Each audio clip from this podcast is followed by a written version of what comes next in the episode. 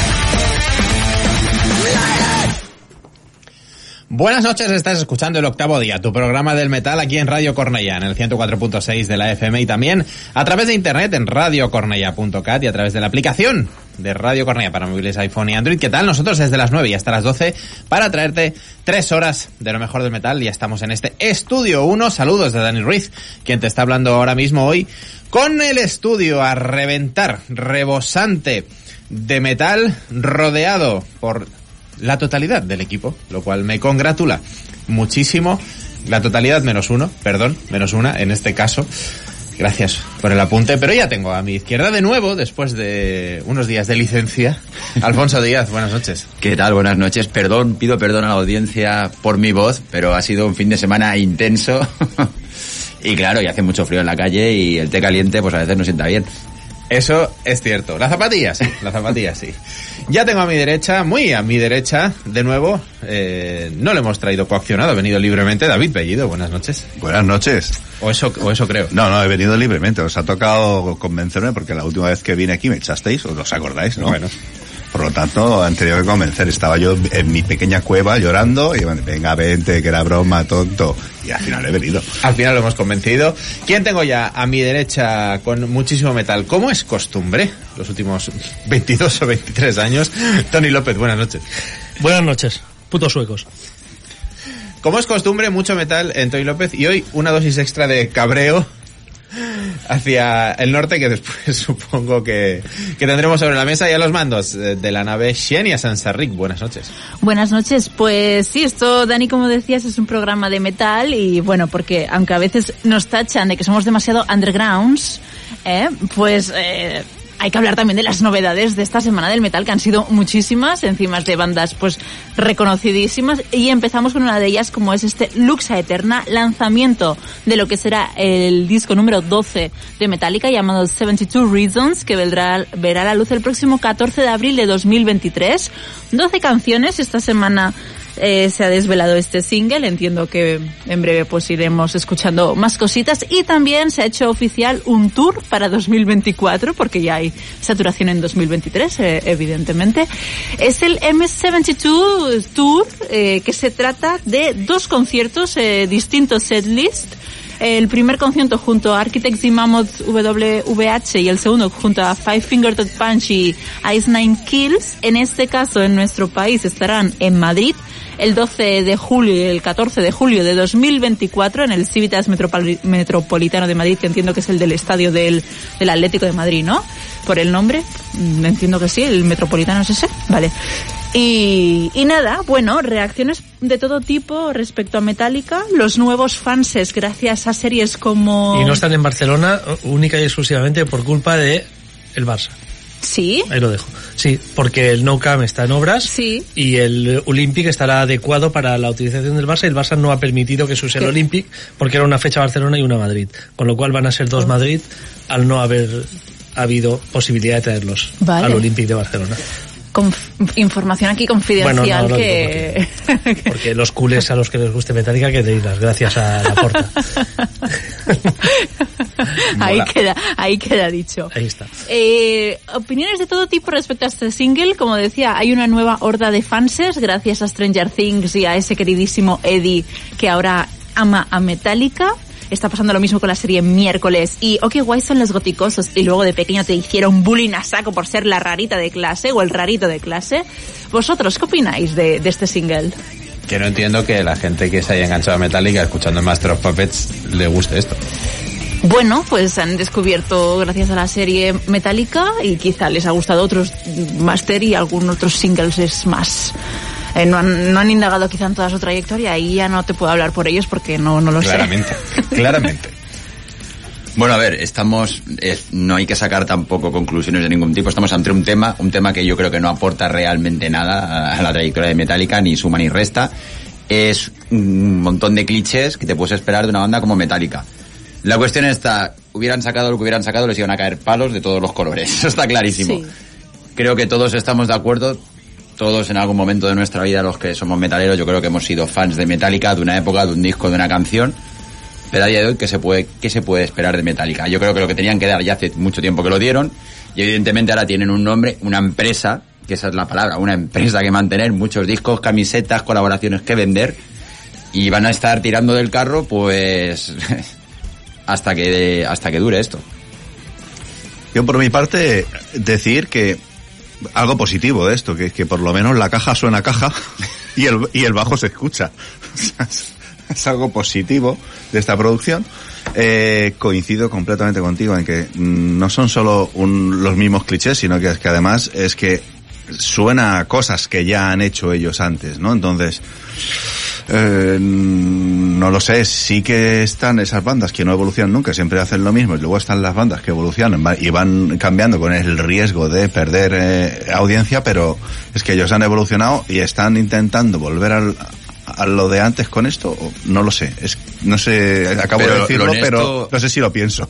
Pero David, ¿lo honesto es esto o lo honesto es lo que hacían cuando perdieron fans y la caja no sonaba caja, ¿sabes? Claro, ¿en, en qué momento... Es difícil de saber. Es ¿Por dónde van los tiros? No lo sabemos tampoco. No.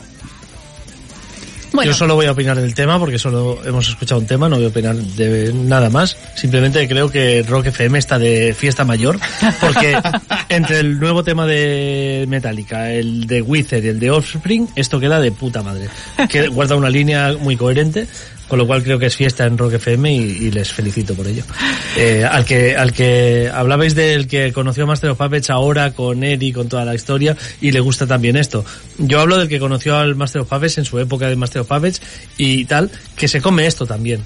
Y es que he llegado a la conclusión hace muchos años, pero Senjutsu me lo confirmó con Maiden, esto me lo confirma con Metallica, discos peores incluso de que ha hecho Metallica y que han hecho que han hecho Maiden me lo siguen confirmando y es que tú le pones un nombre a una cosa y a la gente le va a gustar porque lleva ese nombre. Esta canción tú la llamas Excessus por hablar de una banda que han estado aquí que hacen thrash metal y que ¿Tocan es el una próximo banda- sábado? y que es una banda nueva y que no conoce nadie y este tema no le hace caso ni el 1% de la gente que está babeando con la canción de nueva de Metallica pero es, es algo que no nos podemos aislar de ello el, bueno está, está montado así el tinglado musical y es algo de lo que no de lo que o sea el espíritu crítico con las bandas favoritas de la gente se pierde muchas veces y, y yo no digo que yo sea mejor ni peor en eso porque seguramente a mí me pasa igual ¿eh?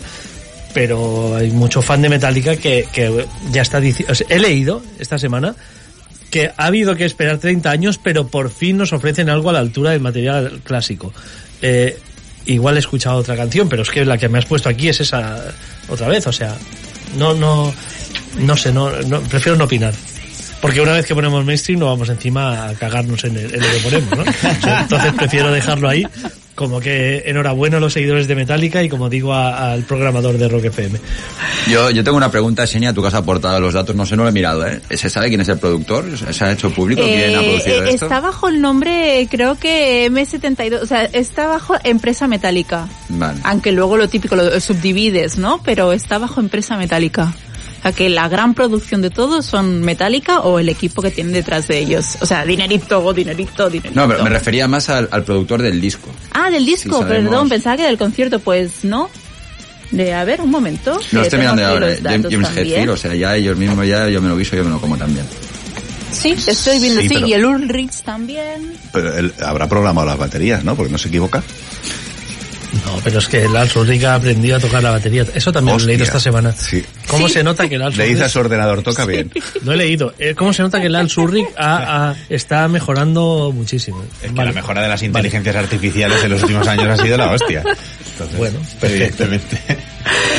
De hecho, local, cuando salga mínimo 4 millones de, discos vendidos la primera semana, Pero número uno en el Billboard y ya Ah, está. Claro, ahí va lo que ha dicho Xenia. De Metallica hecho, creo que en Amazon ya es número uno. Seguro.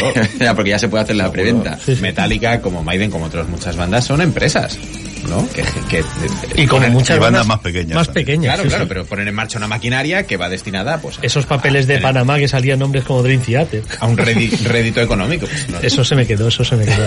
no debería Clavado. sorprender Y bueno, también decir que yo personalmente la portada me parece horrorosa. Sí, O sea, Sí, sí, A mí no, totalmente. Es, es una cuna de Ikea. Con todo desmontado para que te lo montes tú. Es un plano de Ikea Eh, de y, una el, y el color también parece la bandera Y el soca, color ¿eh? es- sí, sí, es, es que es, ¿Podemos de- estar hablando de que es Sonido Estocolmo, el nuevo disco de Metallica? Eh, cuidado, cuidado, que sé que los suecos te tienen cabreado, pero Sí, eso, no, no. eso es aquí. hoy vengo- Pero no insultes a los suecos. ¿no? Vengo, vengo muy fuerte hoy, sí.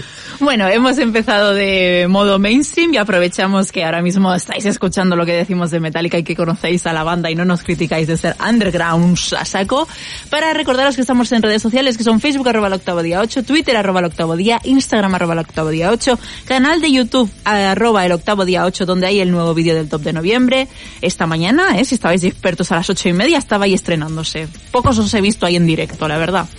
Eh, ¿Qué más? Tenemos el grupo de Telegram que podéis acceder mediante enlace y al cual ya saludamos que Pepe y Bri estaban ya aquí dando guerra.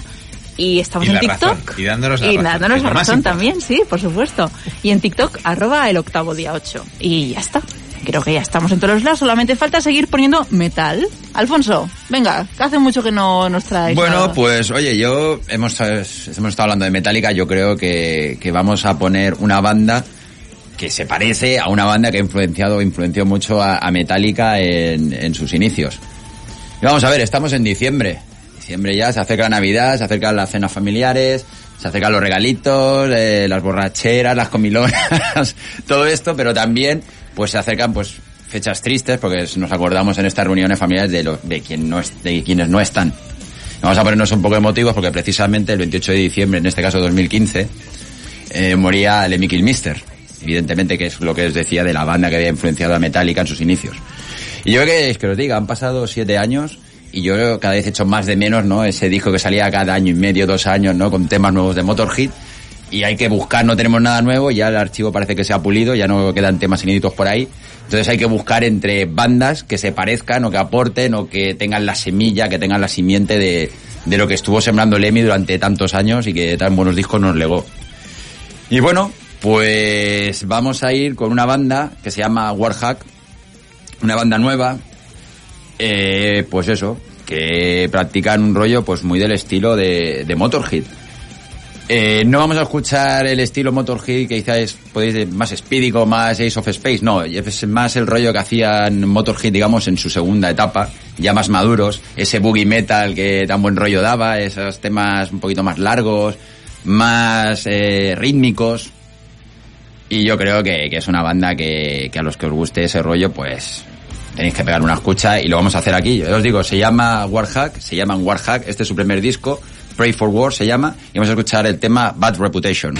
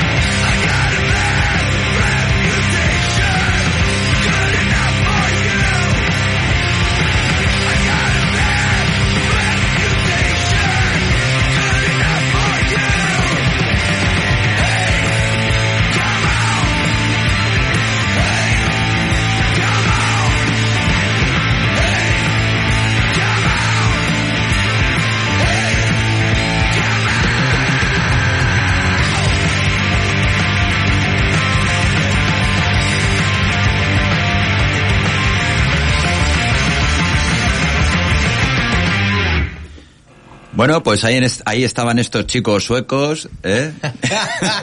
Metiendo el dedo en la llaga.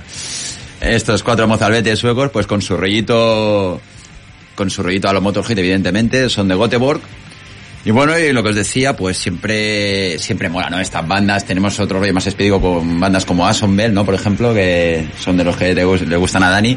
Esto es otro rollo, otro un poquito más rítmico, más, más boogie, pero igual de vacilón, da muy buen rollo.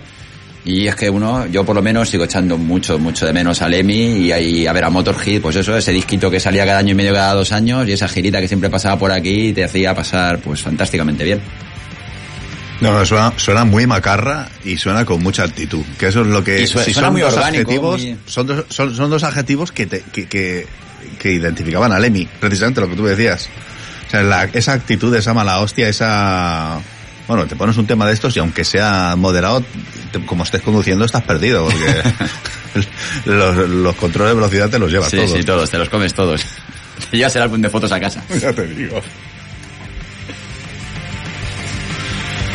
Pues me vais a permitir que me vaya de Suecia porque estoy muy enfadado con ellos. Hoy no pienso pisar Suecia para nada.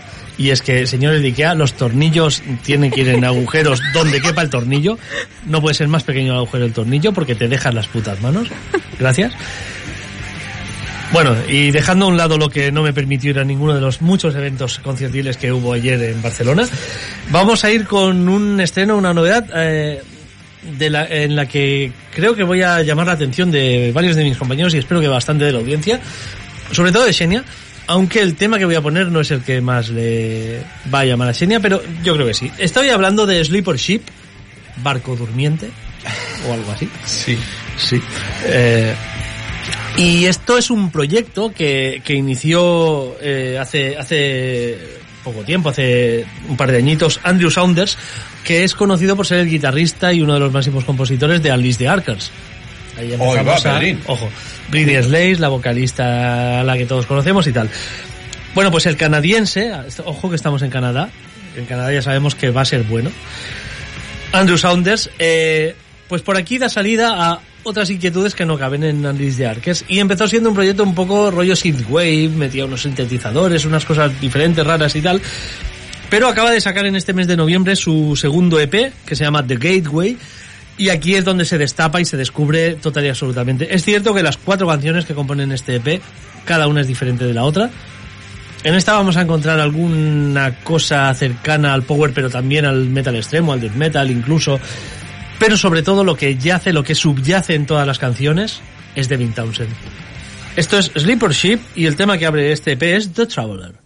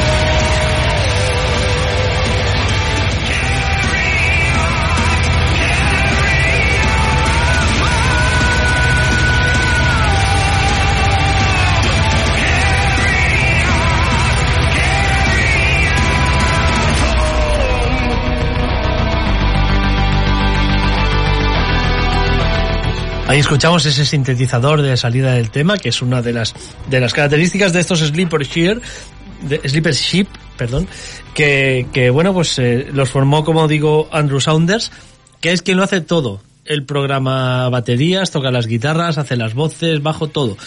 Y como decía, eh, es un es un disco que suena mucho a Devin Townsend porque creo que eh, mm, sobre todo hay un par de canciones que, que tú que eres más sabia en esto, Xenia, lo, lo detectarás más rápido, pero a mí es que me ha, me ha transportado a los conciertos de, del pasado mes de mayo escuchándolo. Es que me sonaba totalmente a lo que hace ahora Devin Townsend. A, a lo actual, Sí, pero a lo actual. antes de sacar este último disco. Porque eh, Sí, salió sí, en sí, noviembre sí. el Sí, disco. sí, sí, correcto. Sí. A Vale. lo último que yo conozco de conocías, Townsend, ¿vale? me ha sonado bastante a eso. Y, y la verdad es que informándome y leyendo sobre el tipo este para ver de dónde viene esto y si realmente soy yo o es él, efectivamente en todas las entrevistas que he encontrado y demás, el tío habla de Devin Townsend por los codos, o sea, es muy fan. Y Hombre, de hecho, el- el, esto de fondo el es segundo tema sube, sube este porque este tema es Devin 100%.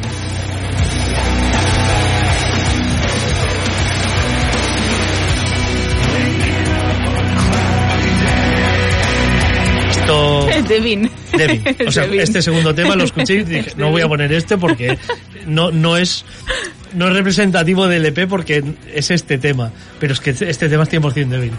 Y sí, tiene eso, pues tiene cositas muy entretenidas para ser cuatro canciones más una intro bastante larga, de casi tres minutos. Eh, es un EP que pasa muy rápido y pasa muy bien por eso, porque parece que estés escuchando cosas diferentes, pero con, con puntos comunes, que la verdad es que lo hacen bastante atractivo. Y creo que es uno de los, de los grandes lanzamientos de este año a nivel, no sé si decir power metal, porque no es power metal, pero sí que es un, es un punto interesante sobre el que pivotar y que creo que le perjudica ser un EP el no, el no estar eh, contemplado entre los mejores del año, porque yo creo que esto, si hubiera metido cuatro temas más o cinco más, igual estaría en serio- eh, siendo contendiente. Es que aparte la competición directa que es Devin Thousand con el disco que ha sacado, esto a los fans de Devin que no han conseguido en el nuevo disco lo que, por lo menos yo no he conseguido lo que quería de Devin, Igual lo pues tiene aquí. eh, aquí lo, Claro. lo encontramos. Entonces, Pues esto es Sleeper Sheep, otra propuesta. de- Yo quería decir, Tony, eh, estoy de acuerdo que es una propuesta muy interesante, pero estoy totalmente indignado. ¿por qué? Porque comentaba Dani que llevas 22 años en el programa. Y aquí se ve porque lleva 22 años en el programa. O sea, se acerca final de año, se negocian los contratos al año que viene y ya estás haciendo a la pelota a la jefa para pedir aumento. Total y de esta y jamón. Total y y los demás. ¿qué, tío? Bueno, y Una lata de espárragos y gracias. Pues cuando escuches a los griegos que suenan a Rotten Christ que traigo después, verás. No Y a nada a lo un- Neobliviscaris. Una mezcla entre Rotting Christ y Septic Flesh. traigo Hostia, después. hostia, y bueno, Neobliviscaris, bueno. el tema se estrena el martes, lo estrenaremos aquí antes. O sea que... Fantástico. ¿Seguro? no, seguro Porque seguro ya sabemos que no. luego los problemas que hay. Seguro que no. Eh, Mejor que Nuestro no. grupo de Se ha Telegram- gestionado, ¿eh? Vale, yo te traigo unos mm, Neobliviscaris suecos. Bien. Uh, malditos suecos, para la sección malditos Yo suecos. los traigo porque son suecos. Pero lo de Neobliviscaris se ha negociado hasta el último Eh, momento. pero estoy- Y... Ya, Y la puñetera distribuidora europea Ya es- es la que ha puesto... pega. trabas. Sí. Dani. No, decía que en nuestro grupo de Telegram eh, Pepe está diciendo directamente viva Canadá, o sea, bien. Pero Bri y nuestro querido técnico Kiko Brinchón de- dicen, bueno, Bri concretamente dice, ¿qué tema más raro uno? No sé si me gusta o no. Es el, el tema de Rodinger, ¿sí? Sí, sí. Te gusta y a la vez no te gusta. Exacto. Sí, sí, muy acertada la descripción. Mm, seguimos, David, ya, ya que vienes, que desde el primer programa que no te veíamos por aquí, ya que vienes, fínchate algo. Bueno, pues me voy a pinchar algo, va. vamos a echar esta vez, prometido, Bueno. prometido, prometidísimo. Bueno, no bueno, lo sé, yo bueno, no, bueno, bueno. yo no esperaba que Tony viniera cabreado con los suecos y lo primero que traigo es sueco. Así que no sé y, yo muy, si me... y muy suecos y muchos suecos. Bueno, muy sueco, mucho- bueno, de Estocolmo, nada más y nada Mientras menos. no sean catatonia o grupos de esos, bien. Precisamente. Precisamente, precisamente. otra vez. Hablando de bandas... A la cueva. ya me vuelven a mandar a la cueva, macho. Pero es igual. Aquí Catatonia suena aquí y ahora en unos minutos y luego si queréis comentamos, pero eh, nos mm, han lanzado antes de ayer el segundo adelanto de lo que será su nuevo larga duración eh, que verá la luz el, en marzo, perdón, verá la luz el 20 de enero de este, de este año que viene y lo hacen en un- digamos, en un año eh, un poco raro, porque a principios de este año, en marzo, sacaron Melancholium, ¿vale? Que fue un- una especie de cofre con cassettes, ¿vale? De cuando ellos no eran ni Catatonia. O sea, cuando, sabéis que Catatonia empezó haciendo un, un Depressive Black así que se fue dumizando y luego ahora ya no tiene nada que ver con, con, con lo que hacían al principio. Ni con lo que hacían al medio, ni casi con lo de final. Exacto, Sí. exacto. Con Depressive Black que se fue dumizando suena a algo que me encantaría escuchar. No, Pues- no. no te encanta. No, no. Pues No te ahí veo. tienes el box, te lo acaba de decir. Te lo, pillas, te lo miras, te lo miras, está. pasa es que espero que tenga reproductor Y una- y una de cassette. minicadena, y una minicadena. Exacto. Entonces, es curioso porque Catatonia se forma en, en, en 91, si no recuerdo mal, pero en 1987 estaban con, bajo el nombre de Melancholium y todas esas demos las lanzaron el, en marzo. O sea que es interesante, si quieres ver cómo empezaron esta gente y cómo han acabado, eso sí que es una evolución, Vaya, bueno, ojo, blanco y David, negro. ¿eh? ¿Cómo, ¿Cómo han acabado? No. ¿Por ¿Por- dónde van? por Aún- dónde aún van? les Exacto, puede quedar porque- más evolución viendo... Bueno, en teoría no, no, habían acabado. ¿No? En te- teoría dijeron que acababan Catatonia hace unos años. Pues me parece a mí Sí, que tienen sí. para, Sí, por lo sí, menos al era. 20 de enero. Lo dejaron y dijeron que esto no volvía y que y, y luego sin decir volvemos. Pero bueno, vamos a entrar por aquí a ver si la gente no se acuerda que habíamos renegado y ya está. Yo entiendo que, que el causante debería ser el Jonas Rense, no lo Sí, sé, sí, ¿eh? hablo sí, sin hablar, sí, ¿eh? sí, sí. sin Sí, saber, sí. perdón, hablo sin saber. Hizo un comunicado, no sé si era temas de salud mental o algo Mm. personal, sí, sí, algo Sí, así. el, y, y- porque Nistrom es que tiene los mil y un proyectos, o sea, pasando por Bloodbath, eh, imaginaros. O sea, es que no, este no creo que vaya a acabar con Catatonia así. a este le da igual, este tira para adelante, pero Si no es con uno con otro. Es un 8, 880, le da lo mismo 8 que 80. sí, totalmente. Pues nada, vamos a ver qué tal suena esto y a ver cómo siguen evolucionando estos Catatonia.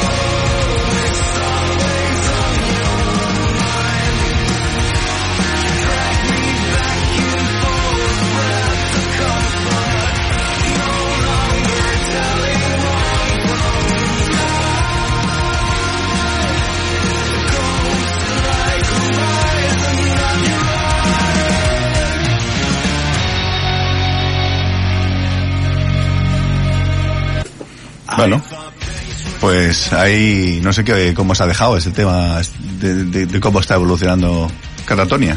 A mí me han gustado los dos singles que han sacado, la verdad. Es, es cierto que, bueno, siguen en la estela de lo más último, más reciente. Y como a mí me gusta y me convence, pues, pues por mí que sigan, la verdad. Sé que no es compartido, seguramente, No. por muchos de sus seguidores. Yo estaba comentando que me falta un poco el aro de, de oscuridad siempre le he aso- asociado a una banda como Catatonia. Evidentemente hay discos que me gustan más, otros que me gustan menos, no les he seguido la pista durante toda su trayectoria. He sido, he tenido una relación con ellos bastante intermitente, por decirlo de alguna forma. Pero sí que es verdad que aquí no veo el halo de oscuridad que siempre creo les ha acompañado y de hecho comentaba con David que cuando los he visto, bueno, los he visto no, los he escuchado porque cuando tocan ellos no hay luz ni hay nada, no hay más que humo. No, sí, eh, incluso hablábamos de, de- del ramalazo este tirando a, como decía Tony B. Prog en lugar de Prog, ¿vale? Sí. Que es que es, eh, van a jugar con, con, A mí es con que cosas cada que suenan raras. sí. lanzamiento de Catatonia me, me retrotrae al Biproc y me pongo nostálgico. Son esa, esa banda que asocias a mira. Es, es ese, ese prog no prog que, que entre post-metal, prog y doom y, y ese batiburrillo que, que al final en el Biproc tenía su sitio. Creo que mejor que en cualquier otro festival del mundo porque el festi de ese estilo. Y sí, como bien decías, pro Catatonia, No. yo no, no te lo no te lo consiento. Ahora que está en ese en esa área que que, que envuelve al pro, sí, por ahí se mueven. Bueno, ahí. si, tiene- si tienes que poner elementos de Prog, tiene algún elemento. sí, sí, tienes un cosita justificable para, para meterlos en ese saco, pero es un bueno es una banda bastante inclasificable por eso, ¿no? Porque te va metiendo pues poco de tiene una evolución también, es verdad que su evolución es bastante, creo que es bastante coherente. Pero que a la hora de clasificarlos, igual que no los vas a meter en un festival de Depressive Black, porque ya no hacen eso, No. Tampoco creo que pegasen mucho en un festival al, uso de prog, pero sí que es cierto que, que en sitios más eclécticos eh, sí que tienen, tienen cabida. Y a mí personalmente este tema me ha gustado también, como Xenia me ha gustado lo último que han sacado. Si bien eh, es una banda que para mí se había acabado porque dijeron hemos acabado. Y, Y hace años de eso ya, ah, hay que olvidarse. bueno, bueno, pero no, no sé. Fue algo muy así, muy breve, en plan, bueno, pues ahora Yo en el no- 94 no vi estoy. una gira de Ozzy Osbourne que se llamaba No More Tours y dije, vale, pues ya está, hasta aquí. Fueron 92, Mira. 91, 92. Mortours. 90 y... 91, Qué 92. memoria, por favor. ¿Sí? Y míralo ¿No fue en el todavía. 94 o 93? No, no porque en el 92 fue cuando lo dejaron, que fueron los conciertos de Costa Mesa con Black Sabbath, que- luego estaba Rock Halford que tocó, porque Dio no quiso tocar el telonero de Pues 30 92. años. 30 años, ni más ni menos. Y bueno, yo no me considero ni mucho menos un- una persona para opinar de este tema, pero creo que sería muy interesante buscar alguna voz autorizada, gente que supiera del tema y, entre los oyentes hay gente que domina esto. Creo que habría un debate o por lo menos una charla interesante sobre la progresión de muchas bandas de los 90 que empezaron en la parte extrema y han ido cambiando su sonido. Tony, aquí tenemos a Fed, por ejemplo, que también te suenan, que empezaron como siendo muy muy oscuros, eh, muy extremos y luego pues andan desembocado. Por ejemplo, O sea, otro, o sea, por- es que hay por ejemplo, muchísimas Para- bandas. Paradise Lost empezó, se fue y volvió. Es que... Sí, pero hay, hay muchas bandas de esa época que empezaron muy oscuras, lo que decías tú, de Depressive, Sí. No sé qué, y luego han acabado haciendo pues música que no tiene nada que ver. Green tiene es Carnation, calidad. yo me quedo con Green Carnation. Por ejemplo. Tiene, evidentemente hay mucha calidad y luego lo bueno es que muchos seguidores han evolucionado con ellos. Hmm, O sea, es curioso. sí. Mm. 14 de marzo del 92, No More Tours en la Sala Celeste, sí. Pues alguno más Pues, ha hecho. pues sí, es curioso y pero sobre todo lo que tú dices que bueno para mí o sea como referencia siempre tenemos Emperor, Enslave, Arturus y, y bandas así, ¿no? Que me- metidos, vale, no. Ahora ya está Tony No, no, no, no, Emperor no. Vale, pues Emperor no, pues vamos a decir Emperor no, Enslave y Arturus. Porque. Isan podía... Isan, ha hecho lo que le da la real gana en su no. casa con su familia. Eso, pero Isan podía haber seguido tirando Pues- el nombre pues de sí, Emperor sí. y no, y dijo, estos discos son de Isan, no de Emperor. Y Emperor se acabó en Prometheus. Pues ahí. Emperor no han entrado a todo el... Di- discúlpeme a usted. Y tú vas a un concierto de Emperor y no te tocan temas de este tipo porque no los tienen, porque No. los de Emperor son de black metal. Vale. Yo creo que es, es, es- Acertado, es sí, sí. absolutamente, o sea, es, es de libro, de manual, lo que ha hecho Isan con Emperor, me parece de lo mejor. Supongo que gracias a Samot. primera parte, pero creo que es súper acertado por eso, porque tú ahora quieres ir a ver a Enslave, Y más honesto. los discos antiguos de Ahí no los no los, tocan. no los puedes ver. Y luego ha sido una, decisión inteligente. Ha sido una decisión inteligente porque has dejado Sí. a Emperor en un nivel de, de leyenda, De leyenda y, no, y no lo has estropeado. Totalmente. Y cuando sabes que vas a ver a Isan, sabes que vas a, a ver los temas de Isan, cuando vas a ver a Samo con Ciclone B o con lo que quiera tocar, sabes lo que vas, y cuando es Emperor, es Emperor que son cuatro putos discos que son eso lo que hay.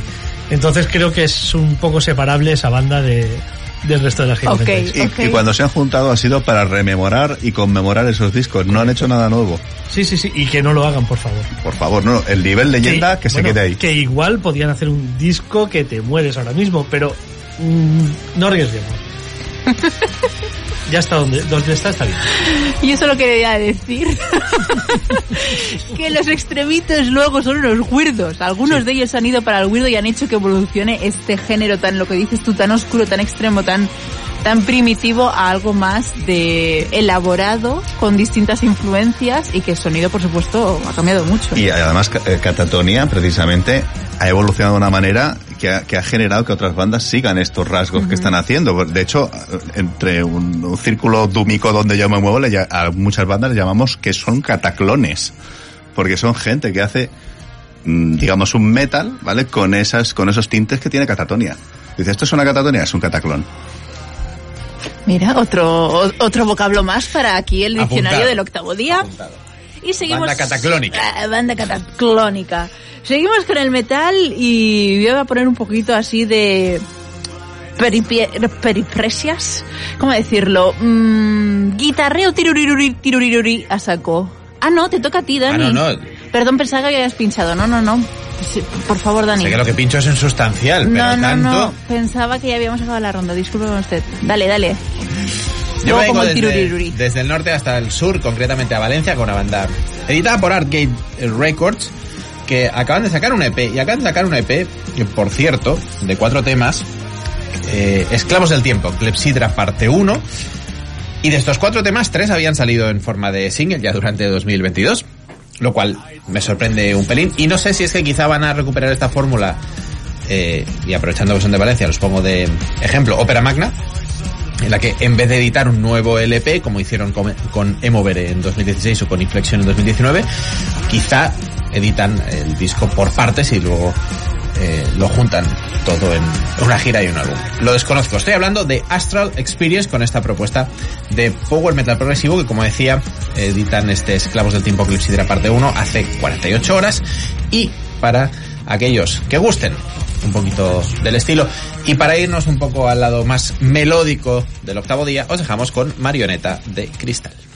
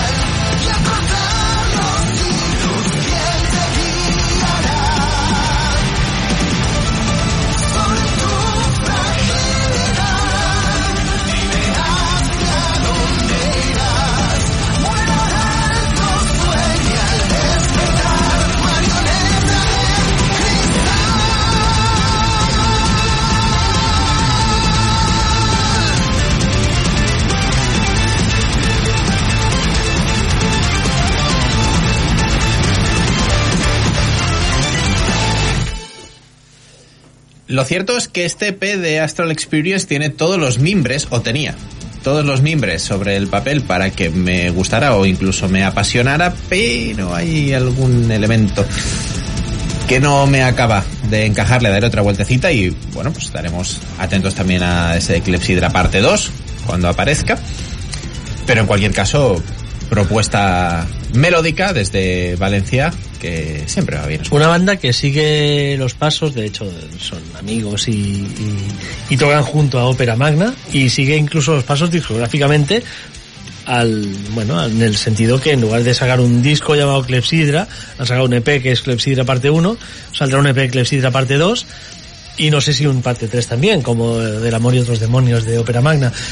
Evidentemente, eh, estamos ante unos muy buenos músicos. A mí seguramente la voz no es el tipo de voz que me gusta, pero, pero bueno, seguramente, o sea, mal no lo hace, pero es un tipo de voz que, con la que no conecto. Y sobre todo lo que les pediría es que vigilen mucho ese teclado. Porque nada más empezar, empieza con un riff muy chulo y además con un teclado eh, ambiental de fondo chulísimo y de repente empieza a hacer el sonido ese de, de casi otone, casi ochentero. Eh, lo que está de fondo. Que sí, es que a mí me saca totalmente de, de me saca de la canción directamente. No, o sea, ya no puedes pensar en otra cosa que en el teclado este. Y creo que habría que darle un poco una vuelta al, tema de, del teclado, siendo, como digo, una crítica muy constructiva, intento que sea, porque es una banda que se les ve la calidad y se les ve los mimbres, pero detalles como estos, eh, a mí personalmente me, me dejaron un poco frío, como decía Dani, eh, sí, es un, es un EP que escuchas diciendo, bueno, esto me va a gustar además. Sobre el papel sí, pero no. Son amigos de amigos y tal, es- y sabes que son buenos, buenos músicos y gente que se le ocurra mucho y tal. Pero claro, tiene de- detalles a pulir. Y, y le seguiremos de cerca para ver Sin si, duda, si realmente los pulen o si, o si inciden en ellos, que va a haber entonces que, que coger todo por los cuernos y dar un puñetazo en la mesa y decir, Astral, hasta el- aquí hemos llegado.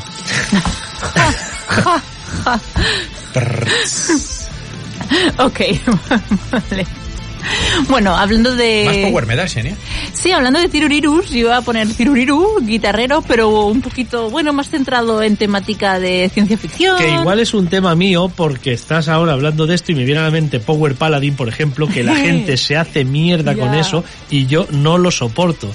Y debe ser un tema mío que yo el teclado esté tan pirubiru, tan, tan extremos, que es que creo que está buscado en el extremo, me, me saca totalmente de... de- Te satura, puede ser. Sí, sí. Bueno, Es curioso esto, Tony, porque lo hemos comentado este año, hace unos meses, en el grupo Telegram y aquí, porque hubo mucho revuelo con el disco de Power Paladin que ha salido este año, y claro, yo me lancé de cabeza y me pasó lo mismo. Pensé, uff, not my cup of tea.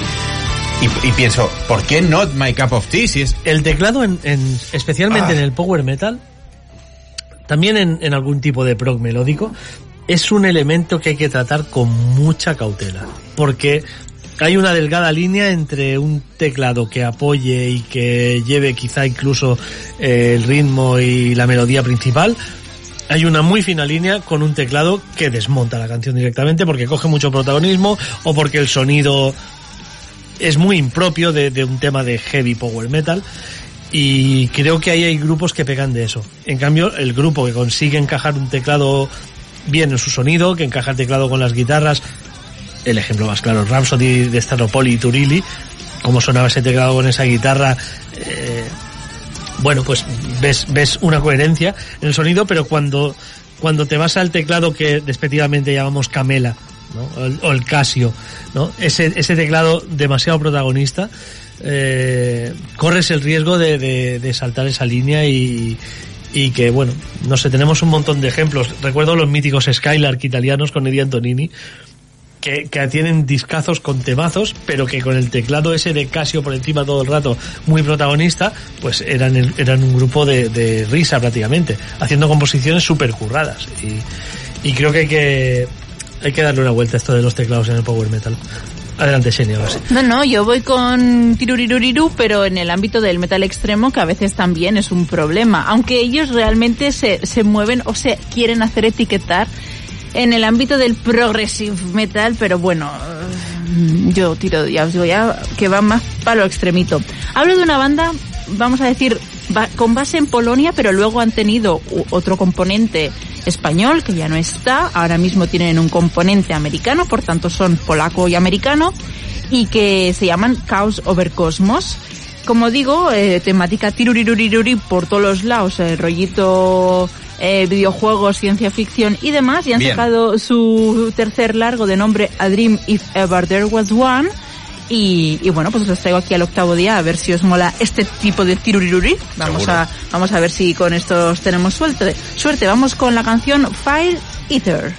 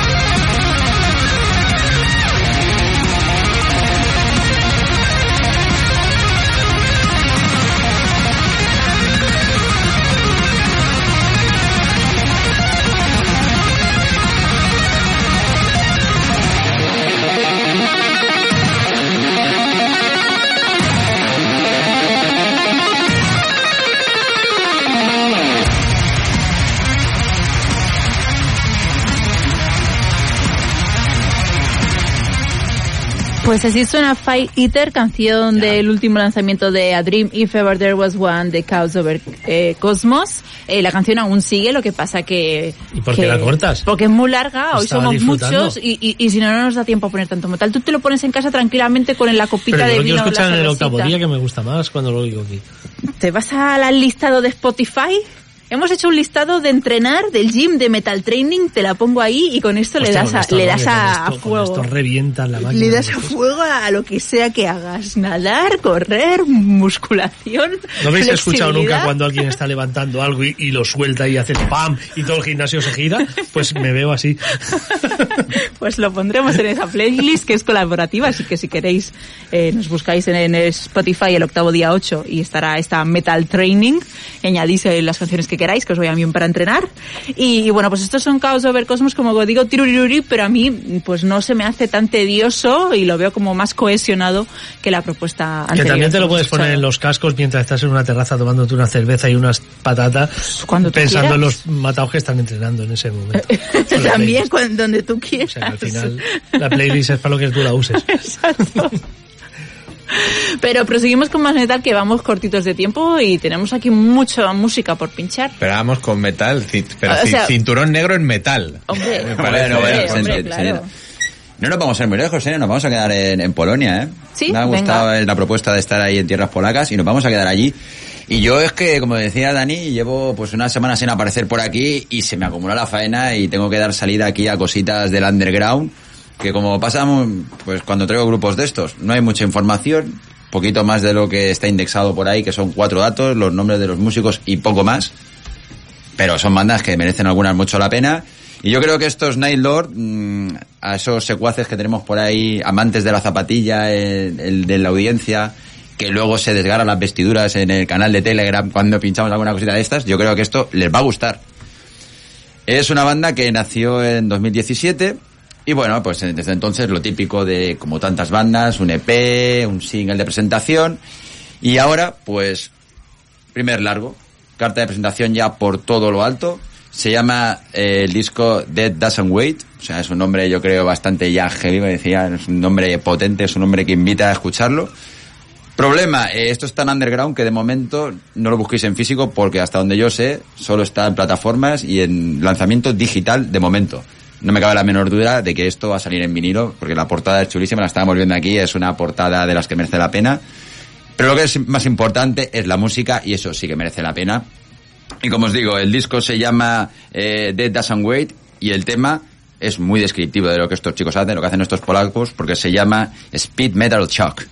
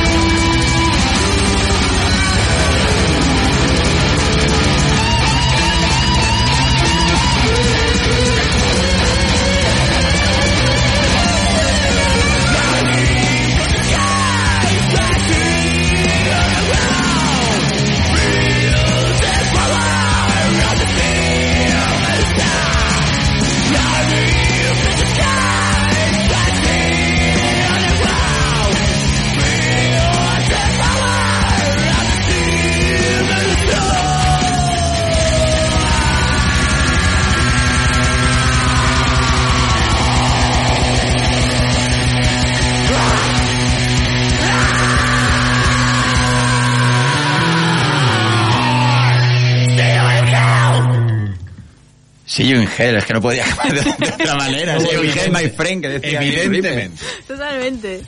Bueno, estos eran compañeros de cueva de David, estaban ahí todos también metidos en el Averno. Pero no han Sí, pero evolucionado. congelados en el tiempo, tío, porque... Lo estábamos comentando así, que llevamos 30 años escuchando canciones así y todavía nos ponen los pelos de punta y nos dan ganas de, de mover las cervicales. Increíble, o sea, una banda, ya os digo, merece mucho la pena. Este, además, os voy a poner en perspectiva que es el tema más largo del disco. O sea, que todos son trayazos de 3, 4 minutos y pólvora y humo y...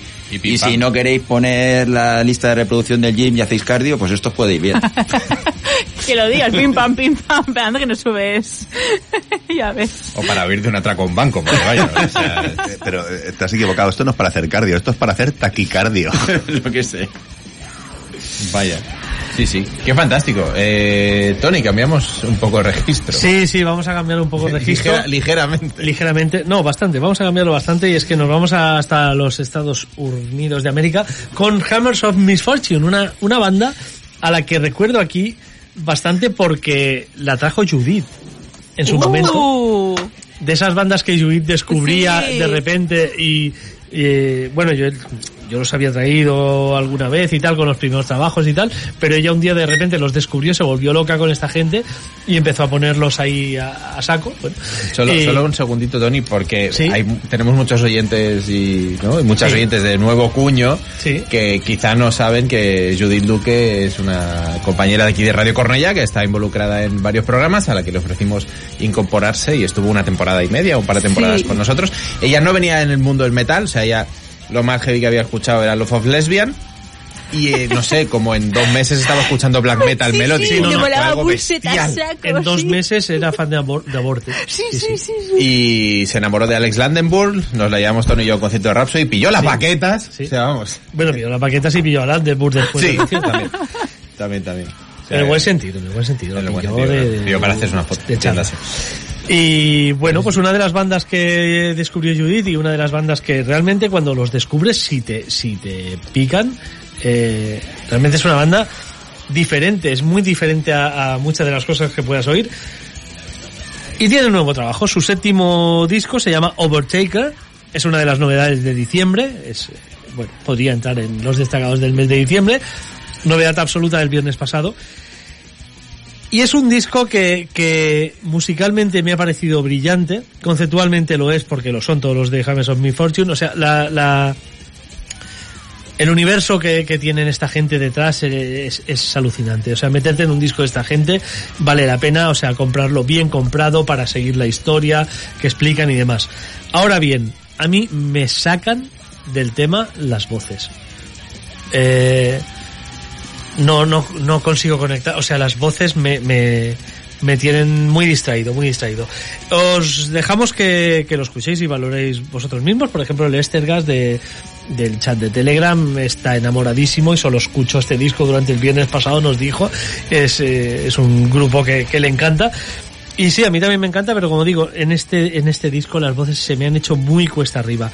Nos vamos a quedar con el que es el quinto corte, que es el que en principio a mí me ha, me ha, bueno, me ha, me ha llamado más la atención, porque es un tema que se llama, bueno, se llama Ghost Heart, y sí, es un tema que, juega con esas ambientes fantasmales y demás. Lo escuchamos y valoráis. James on Misfortune con Ghost Hearts.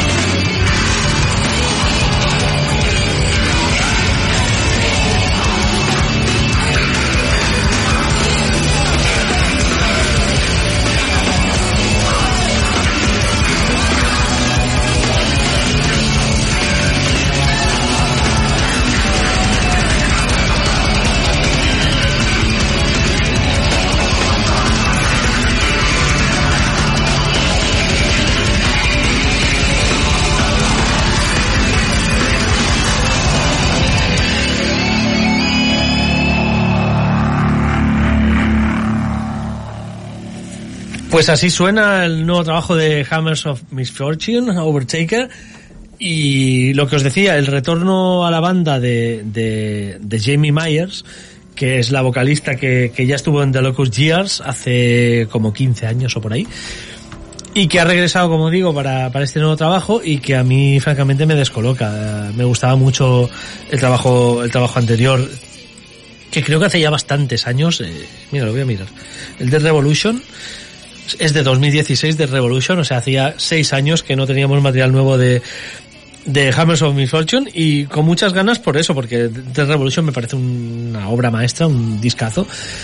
No estaba Jamie y, y creo que le da un rollo más oscuro con esas voces, no sé, es que es que canta incluso a lo King Diamond en algunas partes del disco, en otras partes pues eh, no sé, es muy particular, es una voz muy particular y en la que tienes que conseguir entrar y a mí eh, ciertamente me está costando, pero lo intento, Les, lo intento, en serio.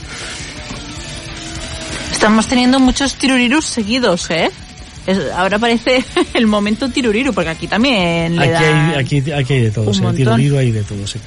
Sí. Yo me he escuchado el disco solo un par de veces y de momento no, no me ha convencido. Pero bueno, mm, una escucha muy superflua, entonces tampoco hay que tenerlo mucho en cuenta. Seguiremos, seguiremos intentándolo porque, como digo, es que tienen discos magníficos esta gente. Eh, desde el primero de Bastard, que ya era un, un auténtico discazo, eh, y bueno, de August Engine, que es una obra maestra. Eh, en fin, un montón de, de grandes discos. De Locus Gear seguramente es el que tuvo un poco más de, de repercusión. No, no diría comercial, nunca ha sido comercial el James of Misfortune y, y además no lo pretenden. Pero no sé si es un intento de regresar a aquello, la vuelta de Jamie, o es que simplemente se han dado ahora eh, la circunstancia para que, para que pase esto. La cuestión es que no me esperaba este disco. Y va a haber que, va a haber que hacerse a él poco a poco, porque creo que es una banda que vale la pena insistir, porque en anteriores discos ha sido así. Eh, se ha acabado, bueno, la mayoría de gente se ha metido a fondo con ellos han acabado amando esos discos porque realmente están muy trabajados y sobre todo, ya digo, es, es muy recomendable seguir las historias conceptuales que explican porque es, eh, montan unos, unos, unos mundos, tienen un imaginario absolutamente bestial. Pues nada, lo seguiremos intentando. Venga. Bueno, pues eh, yo voy a traer a algo de una banda impronunciable, pero voy a empezar hablando de historia. Ya sé que esto es un- una, una emisora de radio de metal, ¿vale? Pero, pero bueno, quiero hablar un poquito de historia, ¿vale? Había, hay dos amigos que viven en Alemania, ¿no? Uno de ellos es historiador y, le comenta al otro que, pues, que tiene una serie de cartas, ¿no? De, de soldados de la Primera Guerra Mundial que estuvieron en un asedio en los Cárpatos, en una ciudad de Polonia de nombre impronunciable que voy a tratar de pronunciar, Semils, ¿vale? Es un asedio de un, de un fuerte que tenían allí y, bueno, y allí los soldados pues pasaron hambre, frío y condiciones inhuma- inhumanas de, salubridad, ¿vale? Entonces, eh, da la casualidad que el otro amigo, el que no es historiador, pues un asalariado de que hace 40 horas en una eh, por cuenta ajena cada semana, pero tiene un home studio y resulta que tiene dos proyectos de black metal independientes, un one man band y, y este es el motivo por el cual va a hacer el tercero, que se llama Canon en Fever. ¿Vale? Entonces vamos a escuchar eh, uno de los temas que lanzaron antes de ayer también. ¿Vale? A ver qué os parece y ya me diréis a ver qué tal.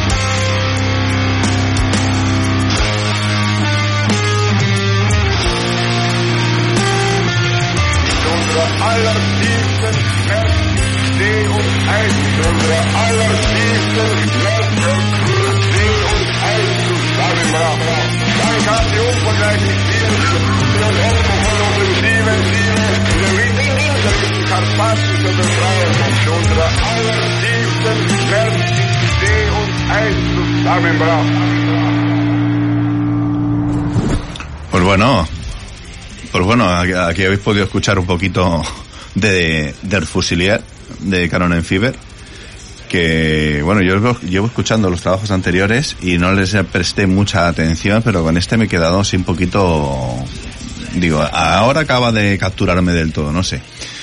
Eh, este señor eh, se hace llamar Noise, eh, prefiere estar en anonimato, con sus tres proyectos se llama Noise, ¿vale? Le ayuda a montar Noderra con las baterías y bueno, hace estas filigranas que te cagas. No sé. A mí me ha gustado mucho, me parece que es muy importante la historia para, para sentarte a escuchar y saber lo que estás escuchando. Lo que no me queda claro, porque los teníamos puesto, pero no estamos prestando atención al 100%, si las letras son en alemán, son en inglés, no sé si lo tienes por ahí. A ver, eh, aquí Lo que es la letra de, de la canción, los textos. Buena pregunta, ni idea, la verdad. No te sé responder. Igual Bri, que en el canal de Telegram los tiene fichados y además está en, en esa tierra, igual nos puede aclarar esto. Pues queda el directamente. guante tendido a ver si nos Exacto. puede informar. Bri, ayúdanos. Yo lo que alucino, la gente coleccionista con cartas de la Primera Guerra Mundial, que es que ese papel es que se, se rompe si lo tocas, si lo miras. Sí, sí, yo, yo, yo lo, lo he leído para documentarme un poco, me he quedado un poco más mm, conmovido un poco de, de, de la historia, porque también estaba preocupado que fuera un mensaje un poquito Que pida taxis, ¿no? exacto. No, en esa época aún no existía. Pero bueno, eh, de, de esa época nacieron No. Todos los no, demás. No, no, no, no, para nada. O sea, yo con eso, como- sobre todo cuando salen y, y- y tachan a Wagner de nazis, en plan, no existía el nazismo. O sea, una cosa es el nacionalismo del No, no, no, momento pero bueno, que puede y es haber muy una distinto. línea- una línea No, de pensamiento, no, no. vaya. Mm, que ahí- desemboque en. Bueno, desembocó en. Yo ahí discrepo bastante. Discrepo mucho. vamos a pelearnos, Dani. Vamos a ponerle el tiruriru ahí a motivarnos en el gym a ver quién levanta más peso. ganas tú, ganas tú. Pero por, por, por, ya, ya te ganaré. bueno, la, la propuesta está muy bien, la verdad. Mira, Sí, Bri, Bri acaba de responder, acaba de recoger el guante y dice que sí, las letras están en alemán. Eh, estos no piden taxis, dice. que Lo confirma. no existían los taxis. mejor. Bueno, pues muchas gracias, Abri, por Sí, la desde rapidez. luego, desde luego. A mí no me ha flipado solo que David ponga un eh, grupo de nombre impronunciable alemán, sino que ya haya alguien en nuestro grupo de Telegram que era fan de este grupo y el, el meme es. Gracias, Tony. Maravilloso. Pero no sabréis cuál es el meme si no entráis en nuestro grupo de Telegram, así que añadíos, por favor. En fin, nos vamos, eh, bueno, de hecho, en lo geográfico, diametralmente a lo opuesto a Alemania, porque el viernes en sala Razmataz 1, Xenia, tuvimos un poquito de esto.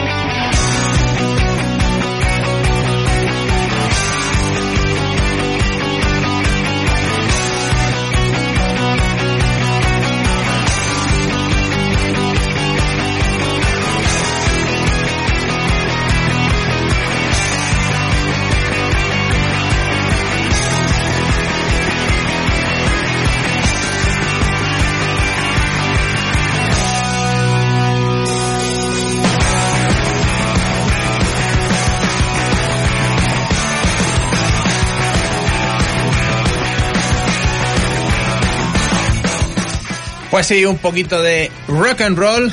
Ahí estuvimos, en mi caso, en ultra primerísima fila, increíblemente, viendo a Blues Pills y a Airborne. Yo por eh, los hados del destino, porque era un viernes, se pusieron a mi favor y pude llegar a ver a Blues Pills, pero Alfonso, que también estuvo allí, aunque no pudimos vernos, una Razmataz 1, Alfonso, con un muy buen ambiente, una muy buena entrada. Sabéis que el concierto iba a ser en San Jordi Club, pero Tiruriru con las entradas y nos pasaron a Razuno, pero bueno, un ambiente bastante Buena entrada, pero tampoco se estaba incómodo. No asfixiante, bien. por Exacto. suerte, por suerte, porque yo tenía mis dudas y, y en Razuno. Blues Pills, no tengo nada que decir en contra de su show. No tengo nada que decir en contra de su vocalista, que corrió más que muchos, muchos centrocampistas que están jugando ahora el Mundial de Fútbol. Eh, pero es una propuesta que a mí no me acaba y que no acaba de encajar tampoco con, con Airborne. Bueno, a ver, yo aquí lo pondría. Yo soy fan de Bruce Pills desde que empezaron. O sea, les he seguido, los he visto en salas pequeñas. eh, los vi en Rastres cuando estuve la primera vez. Los he visto en festivales. Eh, a mí Elin me tiene el corazón robado. Encuentro que es una cantante que tiene un rayazo impresionante a la hora de cantar. Y Sí, precisamente lo que no me gustó fue que hicieron un show demasiado rockero para lo que son ellos.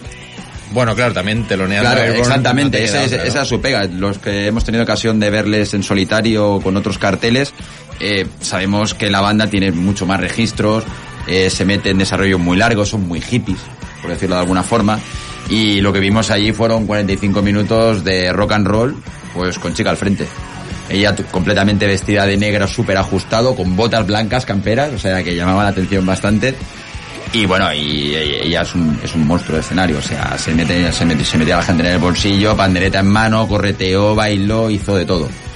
Y bueno, y temas pues empezaron con Proud Woman, que es el single que estrenamos aquí cuando salió, y luego pues un repaso rápido pues por los sus temas más representativos, High, High Class Woman, por ejemplo, que la gente lo cantó, yo me sorprendió Sí. que había mucho fan de, de Blues Pills.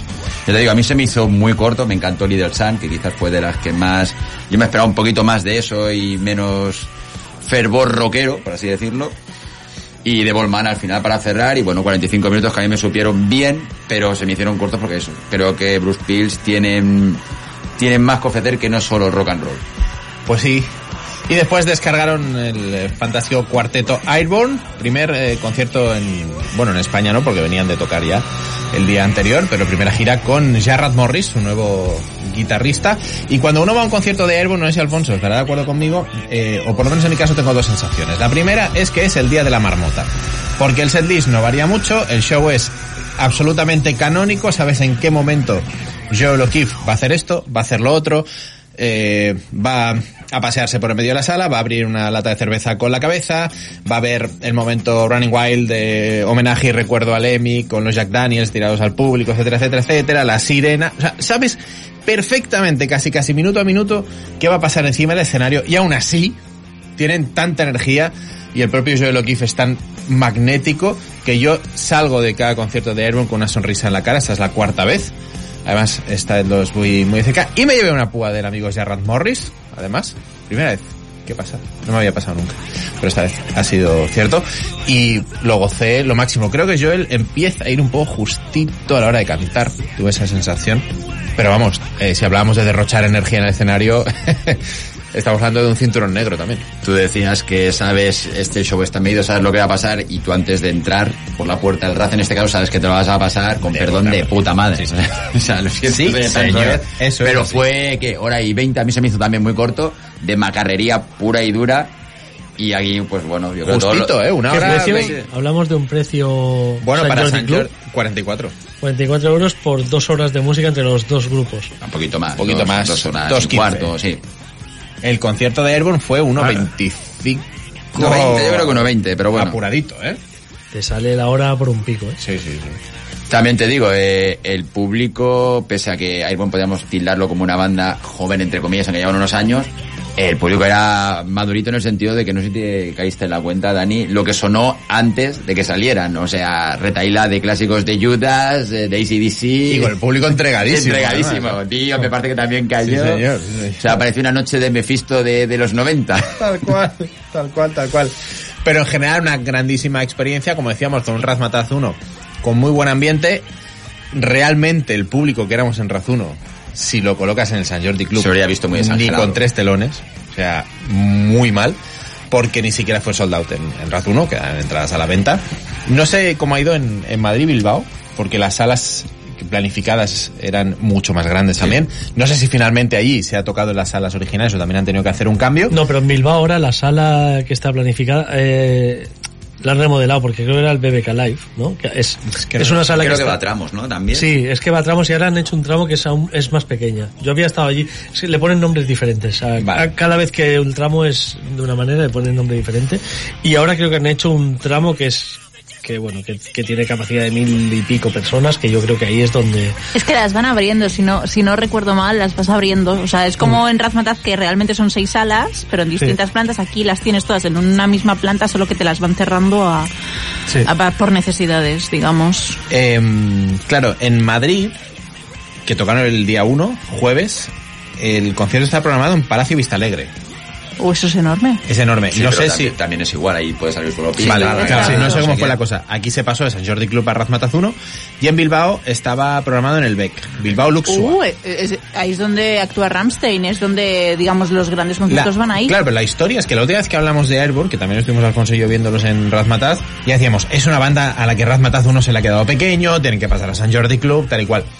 Imagino que por la coyuntura actual, pandemia, etcétera. Te diría, Dani, perdona que te pero- corrija, la última vez no fue eso, la última vez creo que fue de Troneros de Maiden, ¿no? Sí, sí, no, me refiero, me refiero, claro, por supuesto. La, última vez que los vimos. Y la sí. fue en Rockfest, claro. La última vez en sala. En sala. La última vez en sala teloneando, que fue cuando presentaron el Bone Shaker, eh, teníamos claro, pues Razmataz aquel día sí. Yo lo que pasa es que estuve arriba.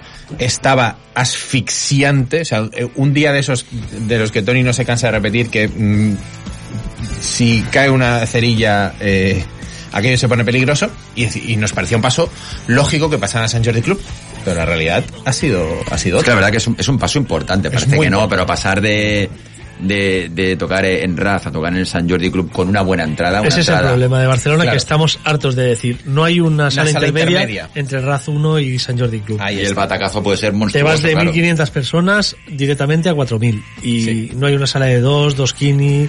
Pero en este caso, Tony, no es que no han llegado tampoco a esa franja. Ya, ya, ya.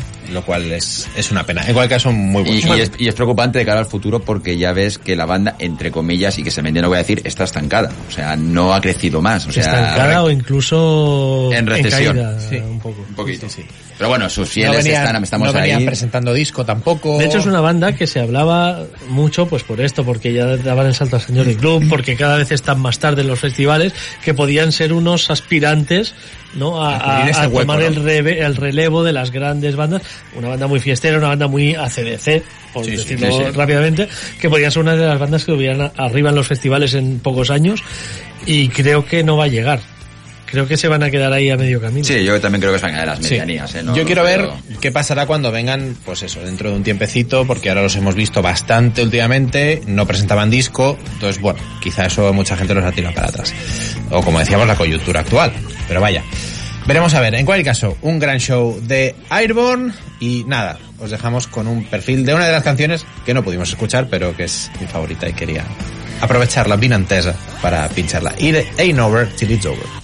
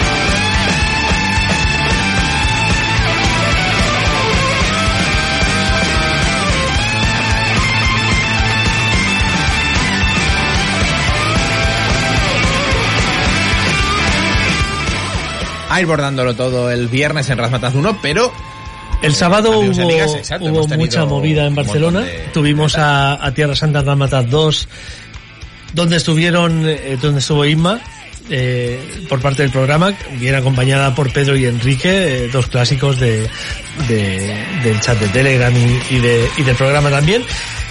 Un concierto que dejó más que satisfechos eh, por sus comentarios a los ahí asistentes. Enrique llegó a afirmar en Telegram que es el concierto del año, aunque luego se, se luego echó el freno.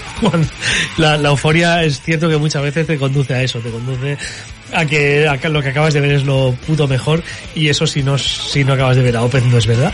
Eh, esto por un lado, eh, por otro lado tuvimos también en la sala Apolo 2, ta- vamos de dos en dos, ¿eh? de Rat 2 a Apolo 2, tuvimos a Mugwa con Ulcerate, una pena no ver a Ulcerate, me hubiera gustado muchísimo verles, pero, pero no financió a Mugwa, ya, nunca más.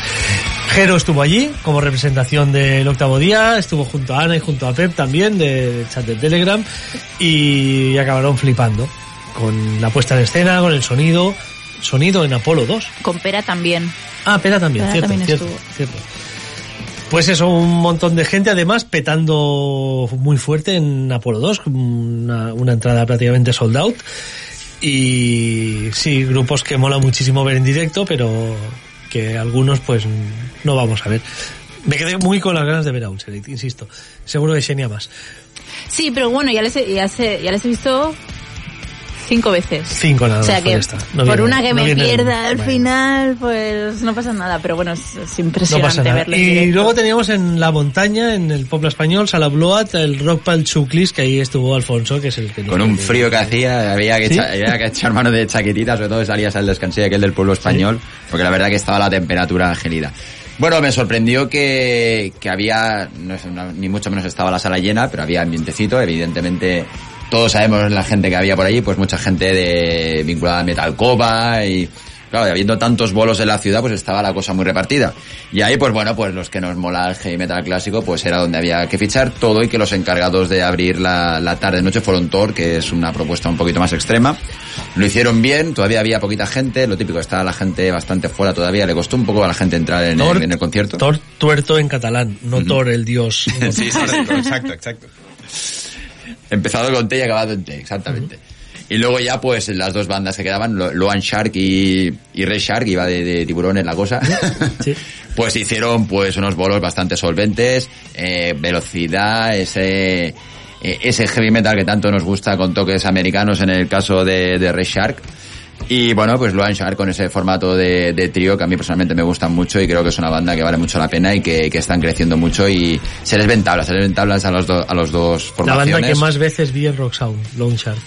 No sé cuántas veces los vi de teloneros de alguien. De alguien, sí, sí, sí. Pero se les nota, ¿eh? Se les nota las tablas y las, y las maneras y ostras. Es una banda que promete mucho y bueno, y sus músicos están involucrados en bastantes proyectos. Como os digo, una noche que estuvo bien, entretenida, fresquita, eso sí, y con buen heavy metal de fondo.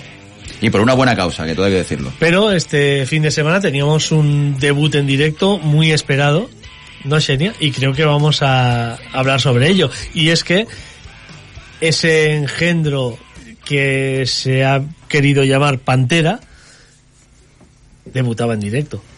Pues sí.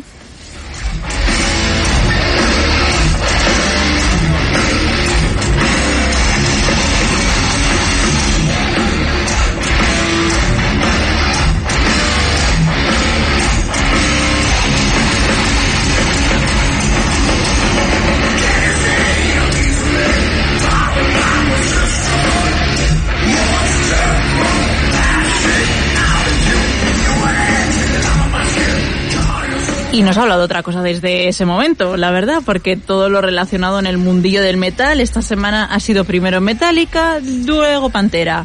Pantera, el tributo a Pantera, aquí cada uno pues con sus distintas opiniones. A mí lo, lo que me sugiere, yo he estado viendo algunos vídeos, de, porque de hecho me parece muy triste. Creo que has cogido el vídeo que mejor se oye, que creo que es uno que está bastante atrás, Atrás, y exacto. ves mil pantallas de móviles Sí. delante de él. Sí. Me parece Todo, es que no ves todo el mundo tiene el móvil en la mano, me parece lamentable ir a un concierto, todo el mundo a grabar con el móvil. Me parece bien que sea el primero de esta nueva formación de Pantera y tal, pero es bastante triste. Pero bueno, eh, musicalmente hablando, lo primero que noto es, es que Phil Anselmo va justito, que vamos a ver cómo llega eh, si la cosa sigue sigue por estos derroteros. Lo segundo que, noto y que además he podido leer viendo opiniones de gente que estuvo allí y demás es que Zack no quiere ser Dime Van Darrell, quiere ser Zack y suena a Zack y hace cosas de Zack lo cual me parece correcto. Me parece más que correcto, pero ahí ya es donde pongo en duda si esto se tiene que llamar Pantera o se tiene que llamar Phil Anselmo the Panteras, o, o no sé, ¿vale? Y lo siguiente que quiero decir es que eh, no ha habido un batería en Pantera como Charlie Benante. Es la hostia ese hombre y en Pantera suena increíble porque es porque es muy bueno. O sea, creo que la gran noticia de esta reunión es ver a Charlie Benante tocar temas de Pantera. Y hasta ahí lo que yo puedo decir de esta reunión. A mí me gustaría matizar dos cosas de las que has Venga. dicho, ¿vale? O sea, eh, Zack Wild va a seguir siendo siempre Zack Wild y no se ha propuesto nunca, digamos, sustituir o imitar o hacer lo mismo que hacía Dave Darrell. Me parece perfecto. Sin embargo, sí que se nota que se ha esforzado, ¿vale? En intentar que sea un llámale tributo o él su darle su propio tributo al que fue su amigo cuando, cuando estaba vivo Dimebag.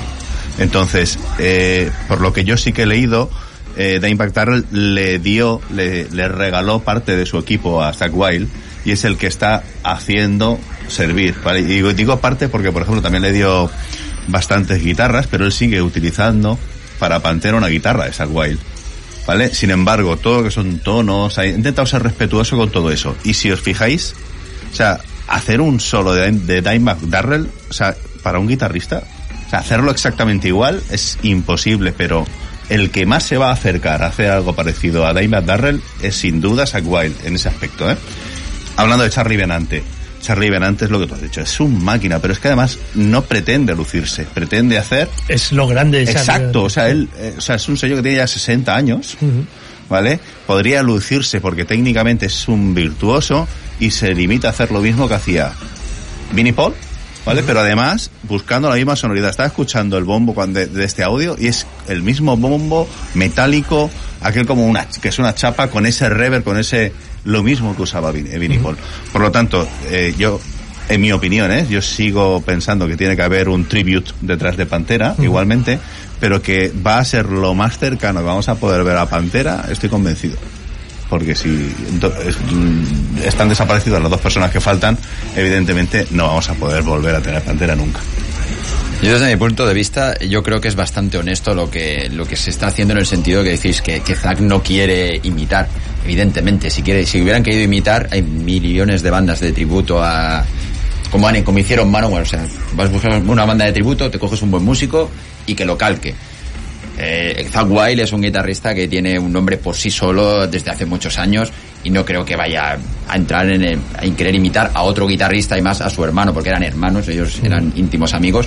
Él va a, a suplir, pero él aporta lo suyo. Evidentemente está muy marcado, es- todo el mundo conoce Pantera, pero él hace lo suyo, aproximándose lo más que pueda, pero poniendo su, su toque de personalidad. En cuanto a lo que decís de, hablemos de Phil Anselmo, vocalmente no es que esté justito, es que este Phil Anselmo no es ni por asomo el Phil Anselmo que todos nos gustaría que era el de los 90.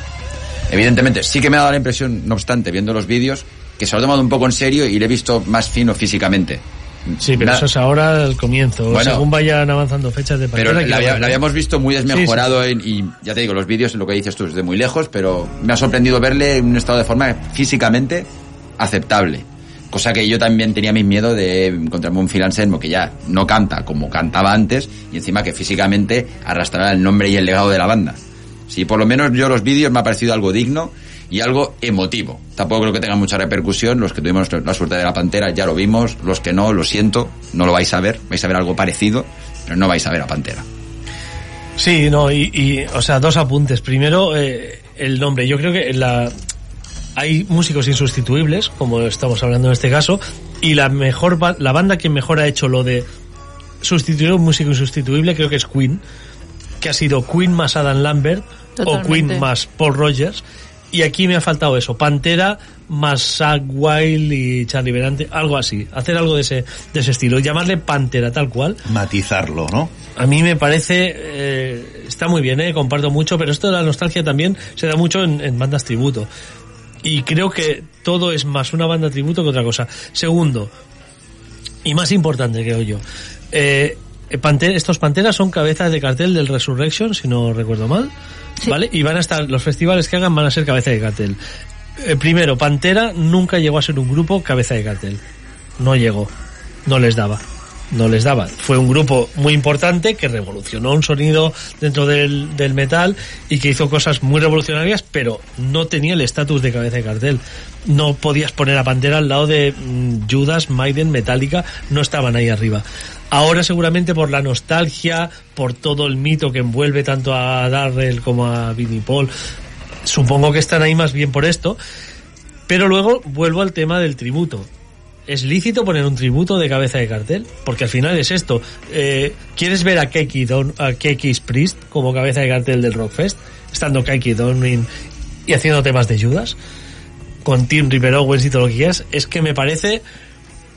Me parece algo que que hay algo ahí que no que no consigo encajar. Pero aquí es la diferencia que con Pantera no tienes a, digamos, los originales para que nos entendamos, como con es el caso de Judas. O sea, vale que él No, es tienes a- Judas, sí, pero me refiero que tienes a Halford por otro lado con toda su... Ya, ya, claro, que ¿sabes? so- los únicos Pantera que quedan están Eh, ahí. Exacto, Es ahí- cierto, a es eso cierto. me refiero. Y lo que tú dices, la nostalgia vende. Eh, Pero me da la vende. impresión de que hay un grupo tributo encabezando un festival. Sí. Y eso me chirría, ciertamente. Sí, sí, ¿no? Sí. A mí, a mí lo que más me chirría, y esto ya es un poco amarilleo del metal, es que si no consiguieron, yo tengo un problema contigo y no lo resolvemos en vida, si yo falto, no sé quién puede asumir mi personalidad para hacer las paces contigo y que tú saques dinero. Eso es lo que yo no entiendo. Supongo que será cosas de manager, de pasta, pero no lo entiendo porque si el que toma mi personalidad, por así decirlo, el que me representa, es la palabra, es respetada mi opinión, si yo no te perdono en vida, no Ya. sé quién es él para perdonarte Te y luego hacer negocio pero, con eso. Pero si tú y yo tenemos algo a medias que funciona de puta madre, nos peleamos y dejamos de hacerlo y tú te mueres, ya, yo ya tengo vía libre para hacerlo. Éticamente, quien se ponga en tu lugar... Sí, pero tú no tienes los derechos, por eso los has tenido que negociar, tienes Bueno, que negociarlos claro. con la otra parte. Pero- o sea, ese pero los- el negocio los- es lo que yo no veo. Los han conseguido. No, Sí, sí, no sí. sé cómo ha sido ni... Es lo que te estoy diciendo, no sé cómo ha sido. dinero de por medio. O sea, al final eh, son 70 años para, entiendo que la viuda, eh, lo que pusiera en el testamento, son 70 años, eh, recibe Y por, si- por cada uso. Sí, pero y además... si ahora esto, perdona, Sí, sí. David, si ahora esto es un petardazo, ¿cómo queda el nombre de Pantera con las personas que lo pusieron ahí y que ya no pueden defenderlo? Ya. Bueno, Claro, aquí está la Esa es la pregunta, entre lo ¿sabes? ético y lo que luego es el dinero. Eso lo tiene mueve. muchas, muchos visos de, de poder ser un petardazo o no. Sí, yo creo que si es algo puntual, que sea un homenaje a Pantera que se haga durante uno o dos años, creo que puede funcionar. Ahora, como quieran estirar el chicle y seguir con esto, creo que esto puede acabar fatal. Y en ese sentido, hemos visto que se han hecho cosas de dudosa, bueno, de mucho riesgo y de dudosa reputación con otras bandas y con otros nombres, como lo del holograma de Dio, Sí. que fue Horrible. una hostia a Dio en el- la línea de flotación y bueno pues al final pues lo aparcas y bueno es una mancha que queda ahí que alguien sacó dinero con eso pero que bueno que se ha, se ha olvidado Pero lo que decías tú, Pantera ahora pueden encabezar los, los, los carteles de los festivales porque ahora son un mito, pero son un mito porque ya no se podían no se podían reunir, no podían tocar, ahora Sí. están tocando, o sea que puedes Sí, cargarte el mito fácilmente. es cierto es cierto No, es Sí. lo que dice Tony, si esto es algo de uno o dos años, correcto. Yo hasta ahí, correcto. Es como que lo quieras alargar y también lo veo un problema. Pero bueno, eh, don dinero manda también, ¿eh? Don Dinero está claro que manda. De hecho, eh, no hace ni un año me parece que estuvieron subastando propiedades de Vinipol. O sea que yo creo que la familia Abbott debe estar necesitada de pasta y seguramente eh, de ahí pueden salir, digamos, esas necesidades de pasta, pueden salir que los derechos para poder hacer esto se han llevado a cabo, seguramente. No Es lo sé, estoy especulando, ¿eh? son cosas que me monto yo. Sin embargo, es un poco lo que hablábamos antes eh, de Emperor. Mm, o sea, Emperor es una, puña- una puñetera leyenda porque se han quedado como leyendas. Si tú coges una leyenda y la empiezas a rodar más para intentar estrujarle un poquito más de jugo a ver qué más sale, sí pero bueno pues igual te queda... ahí, ahí entramos con el tema que esto sea un proyecto en directo no creo que haya nuevo disco de Pantera con esta formación No, porque pero ahí ya podemos mandarlo a toda los la mierda niveles igualmente, Tony. Sí, sí y no. Yo, mi- eh, o sea, porque evidentemente quien vaya a ver a Pantera ahora quiere ver el Walk y el Sí, fucking Hostile y, y, y, y Mouth of War y Domination. Pero, Claro, no creo que se atrevan a llevar esto a un proyecto de estudio y sacar material nuevo. Yo creo que es muy difícil, lo de cuando una banda es un mito y vuelve a la vida es muy difícil mantener y que el mito siga creciendo. Y solo creo que hay una banda que se me ocurre que ha, que ha sido un mito, ha vuelto a tocar puntualmente y ha seguido siendo un mito, que son Led Zeppelin. Cuando han hecho el concierto de Life Aid, creo que fue en el 85, luego cuando se juntaron en 2007-2008, que hicieron un par de noches, eh, han vuelto, no podían ser los originales, no estaba, no estaba Bonzo. Evidentemente. Pero claro, han vuelto puntualmente, lo han petado, se han ido a su casa y sigue el mito ahí. También es que porque es gente, es gente que tiene dinero para aburrirse, entonces no, Por no lo que sea, Tony, estamos hablando de mitos y al sí, final sí. el dinero se acabará, las familias se lo fundirán pero- pero- y en los libros de historia quedará. Cuando, cuando te puedes permitir esto es cuando no necesitas el dinero. Si, como dice David, hay un problema ahí de liquidez y de flujo, eh, sí que puede ser un problema, porque cuando quieres exprimir la gallina para que siga dando hasta el máximo, acabas reventándola. Y ese es el problema. El problema siempre es económico. Y, y hay reuniones que son imposibles gracias precisamente a la independencia económica que tienen los miembros del grupo. Ni Plant ni Page han necesitado nunca el dinero de Led Zeppelin porque ya les llueve las puertas cada, cada mes. Entonces, eh, el problema puede ser este, que, que alguien necesite exprimir mucho a Pantera y es donde va a venir el problema, creo yo. No sé, independientemente de eso, se han cogido dos figuras también para, para asegurar un poco que, que no se caiga, apuntalar un poquito bien esto y si dura, como estábamos aquí hablando, un- uno o dos años con estas dos figuras seguramente aguantará. A ver qué más sale. Ya, para pero es que esto va a empezar a rodar aquí y luego se va a ir a Estados Unidos y como ahí lo peten es cuando pueden haber los problemas de que quieran, gra- quieran grabar, pero con el nombre de Pantera yo creo que no van a grabar. O sea, lo tengo claro que no, no van a grabar un disco y lo van a poner Pantera. Que puede seguir la misma formación con otro nombre y grabar algo, pero yo creo que estos cuatro señores no van a editar un disco de estudio con el nombre de Pantera. Me extrañaría mucho. Si no van a hacerlo como Pantera, yo no creo que ni Zack Wild ni Charlie Berante tengan ningún interés en grabar con Phil Anselmo ninguna historia, la verdad. Pues yo creo que con Pantera, espero, creo, espero y deseo que no. Sinceramente te lo digo. Como esto queda aquí grabado, hemos hecho nuestras cábalas, nuestras apuestas. Dentro de un par de años lo escuchamos y a ver cómo está la Miraremos en el podcast, nos, nos recuperaremos en el podcast. Exacto. Eh, bueno, para finalizar el tema, pues un poquito más de Pantera mm, Tribute o Pantera Whatever en directo desde México.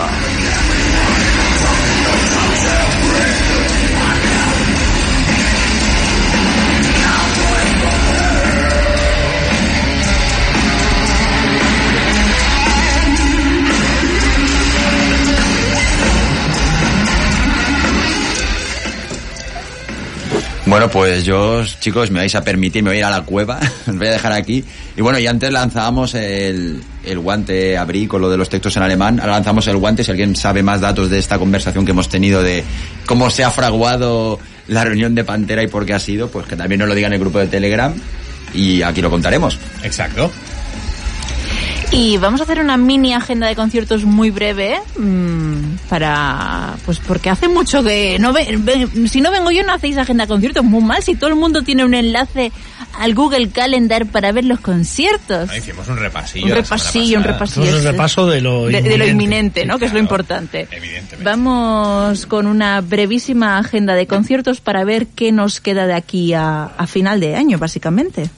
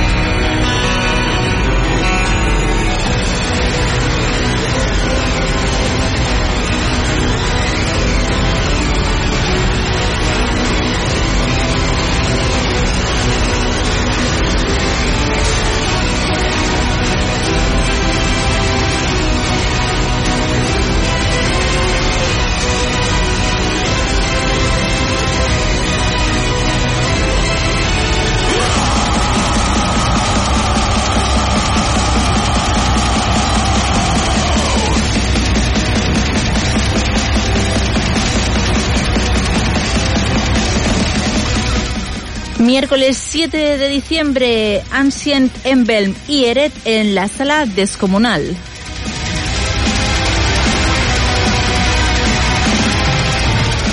Jueves 8, Eclipse y Éxtasy en la sala Razmataz 2.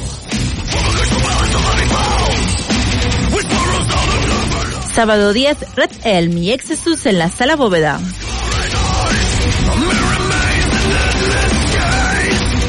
Viernes 16, SA, Brujería y Picaya en la sala Razmataz.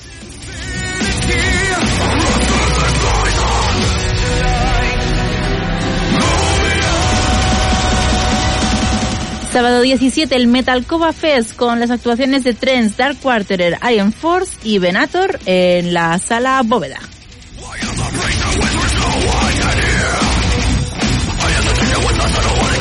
Viernes 23 de diciembre, Thor, Tolkien y Café en el Bar Ceferino.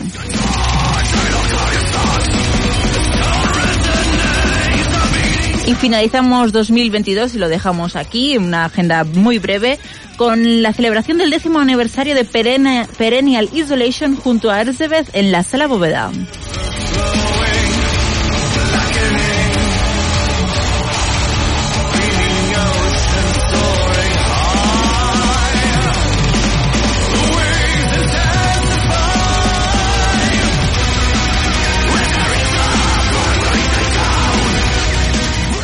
El día 30, lo de Perennial Isolation, que me dice que no lo he dicho, anota 30 de diciembre para acabar el año, la celebración de los 10 años como banda de los Super Perennial Isolation.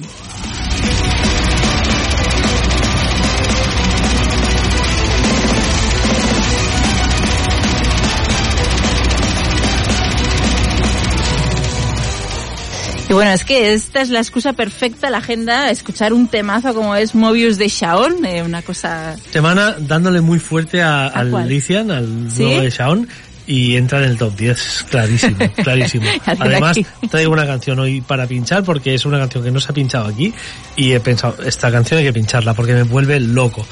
Vale, pues antes de que la pinches tú, pincho yo. Por supuesto. Y me voy a ¿Me la esos... pisas?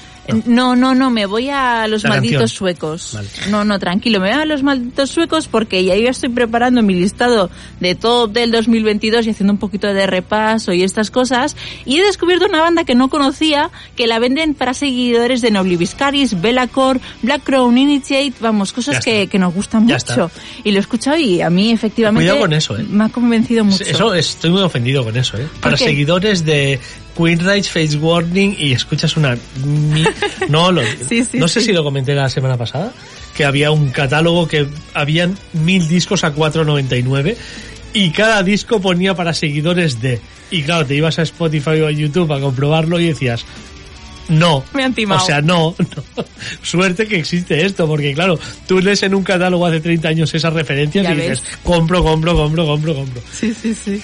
Bueno, este, este sí, está bien tirado. Eh, este está bien tirado, a mí me han convencido bastante. Se llaman An Abstract Illusion y os los presento con la canción Slaves. Vamos un poquito a ver si os convence.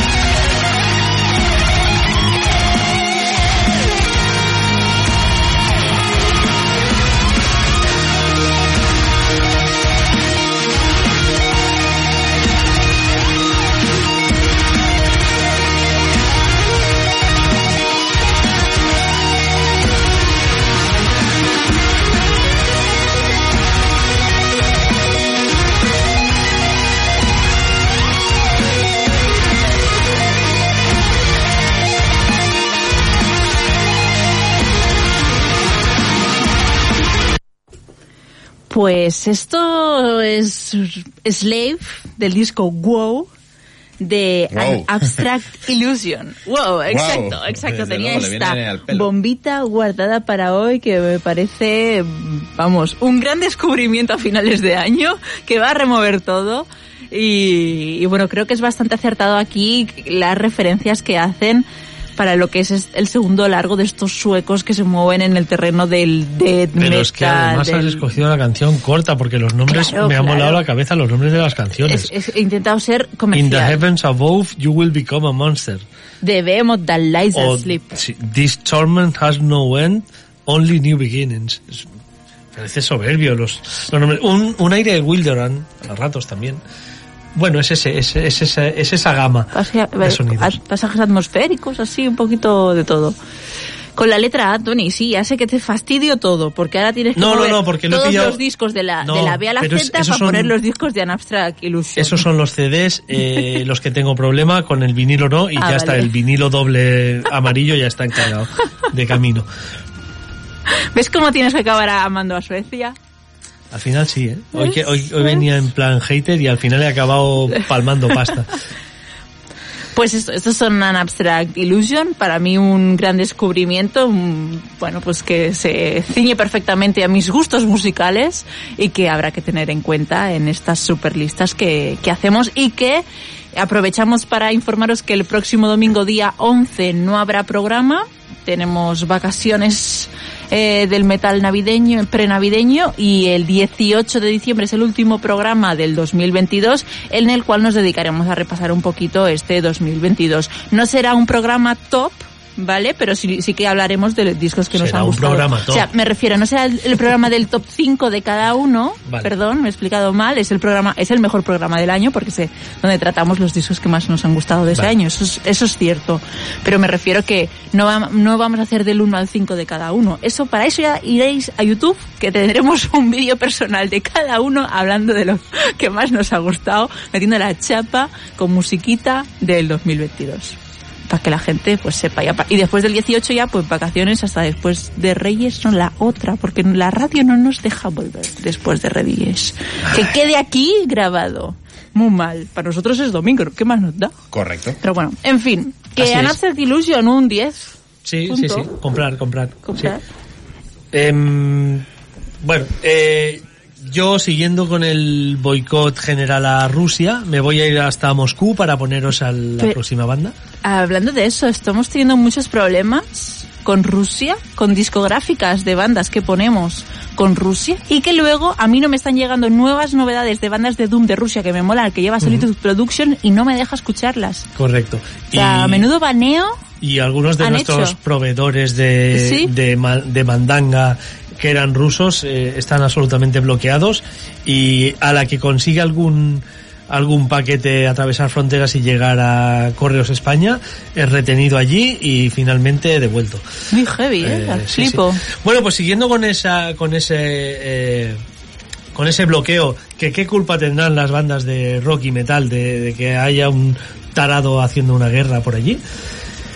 Eh, yo voy a Rusia, me voy a Rusia porque Sous no tienen la culpa de, de lo que haga Putin o lo que haga Zelensky o toda esa gentuza que, que manda y, y que no verás a ellos empuñar un fusil y esa primera línea de batalla que es eh, cómo se acabarían las guerras rápidamente, poniendo a los que las mandan al frente del batallón, que es como se había hecho toda la vida hasta hasta que decidieron que poner a, curritos delante pues les daba más, re- más rédito. En fin, no vamos a hablar de guerra, vamos a hablar de metal y como digo, desde Rusia, una formación muy joven llamada Exhaust eh, nos trae el que es su tercer larga duración, The Garden of Early Delights. Es un disco que personalmente no, no os esperáis que yo os traiga. Porque realmente sí que es cierto que tienen toques de trash, de... bueno, tienen toques bastante de metal, pero también tienen toques de metalcore y de metal moderno y de voces limpias de este... Bueno, hay ratos que recuerdan a Avengers Sevenfold. Tampoco tengo muchas, eh, muchos referentes, ¿no? En estos estilos, pero me recuerdan seguramente más pues a, esas partes de Volbeat o de Avenged Sevenfold que, que se acercan más al metal que al core, pero sí que es verdad que hay, hay bastante core. En todo caso, yo escuché el tema que, que abre y que da nombre a este The Garden of Early Delights, el Jardín de las Delicias, eh, y la verdad es que me, me reventó la cabeza hasta el punto de decir, hostia, me ha gustado tanto como para escuchar el disco. Escuchas el disco y ya no, la verdad es que cuesta más, ya se va más a, eso, un metal más moderno. Pero bueno, tam- también se deja escuchar, cosa que, que, me sorprendió, que llegué hasta el final de- del disco y, ¿por qué no? Lo disfruté a, ratos. Pero sobre todo este tema me pareció tremendo. The Garden of Early Delights, como digo, desde Moscú, estos son Exhaust.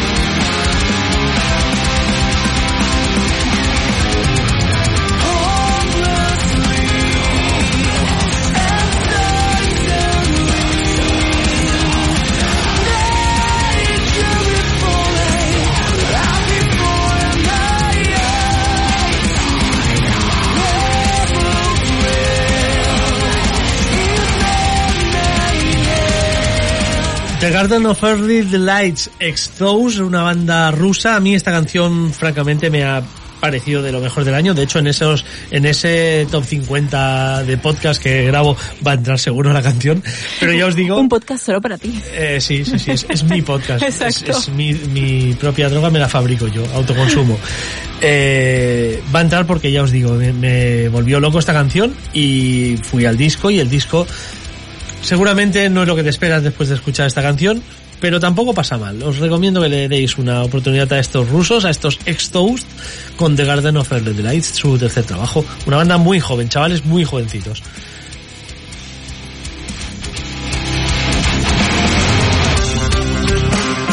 Bueno,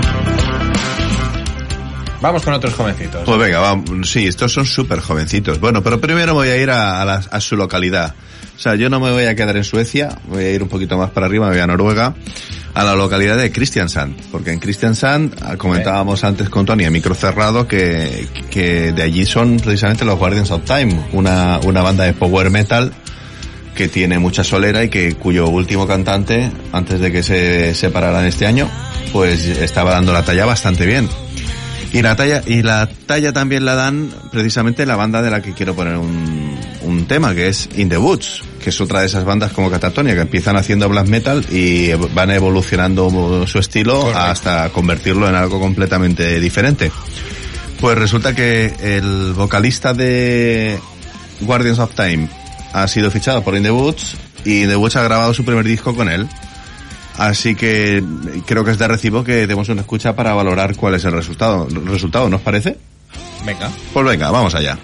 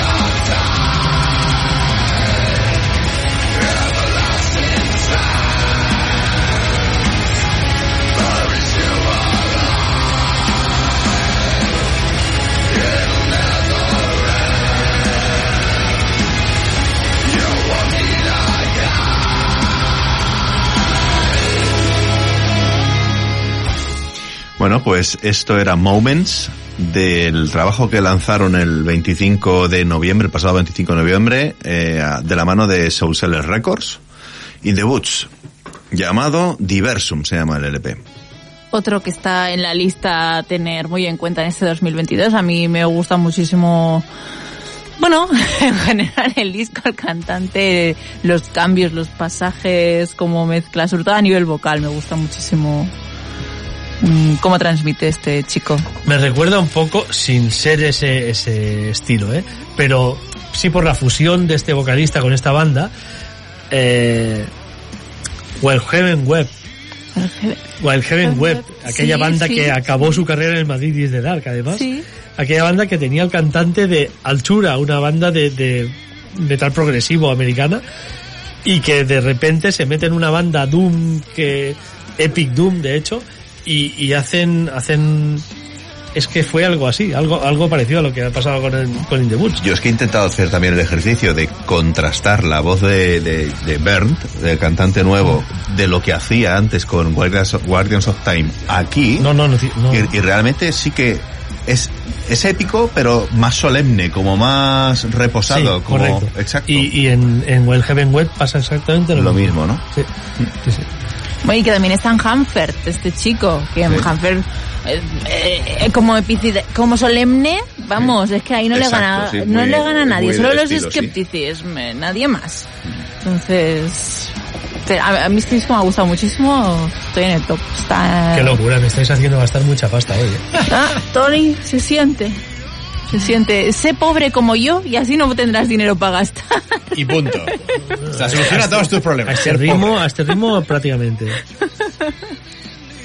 Pero bueno, en fin, seguimos con más metal, que nos queda poquito ya para ir Nos queda acabando. poquito y he tenido que tomar una decisión y la decisión eh, tomada ha sido barrer para casa porque Vale.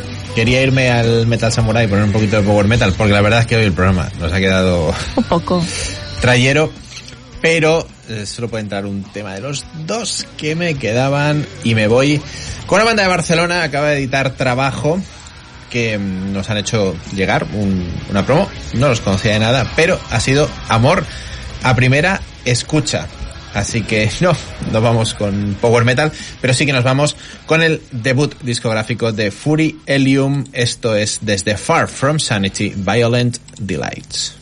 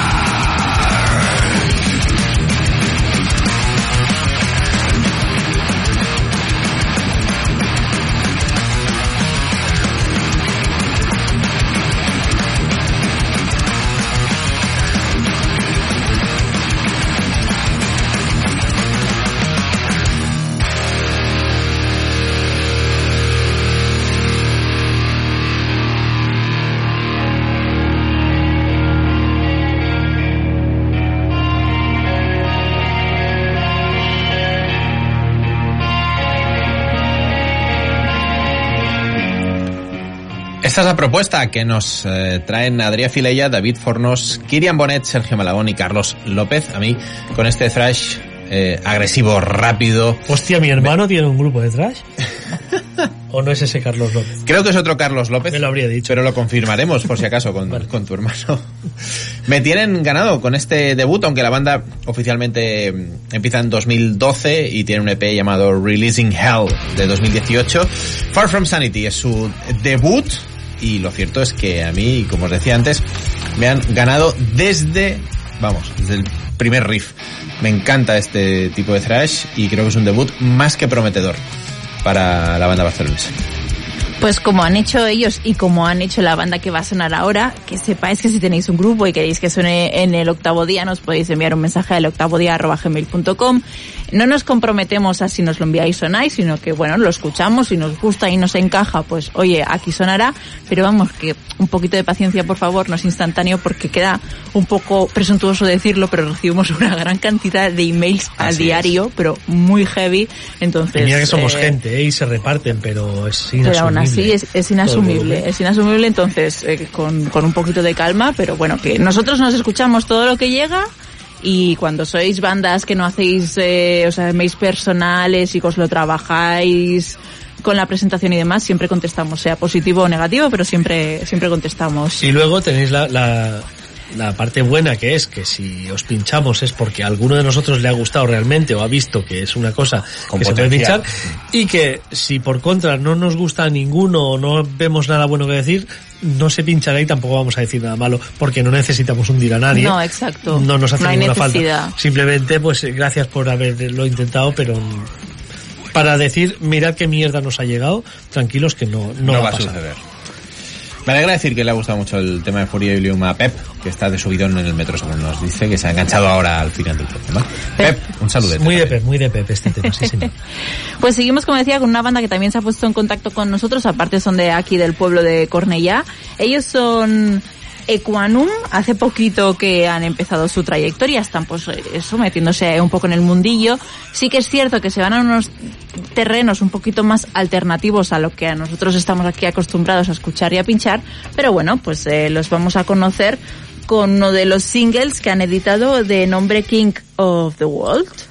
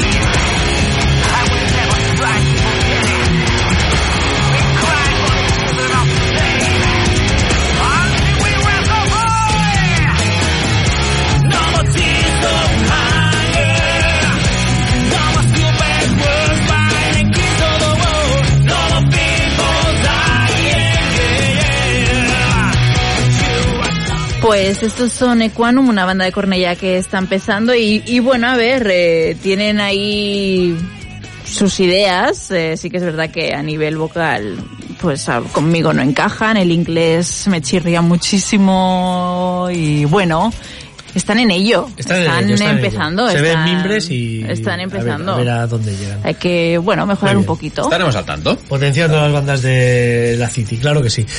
Eh, yo no puedo acabar con otra cosa hoy que con Shaun. Los hemos estado escuchando de fondo, los escuchamos cada vez que, que hay, que hay un, una agenda de conciertos, porque su, su canción eh, es la que la ilustra. Pero es que este año ha sacado Lithian y es un disco que, que me encantó, que por cierto me compré el vinilo, no sé ni cuánto hace, y sigue sin llegar, o sea, malditos seáis. Y esto lo compré en su tienda oficial.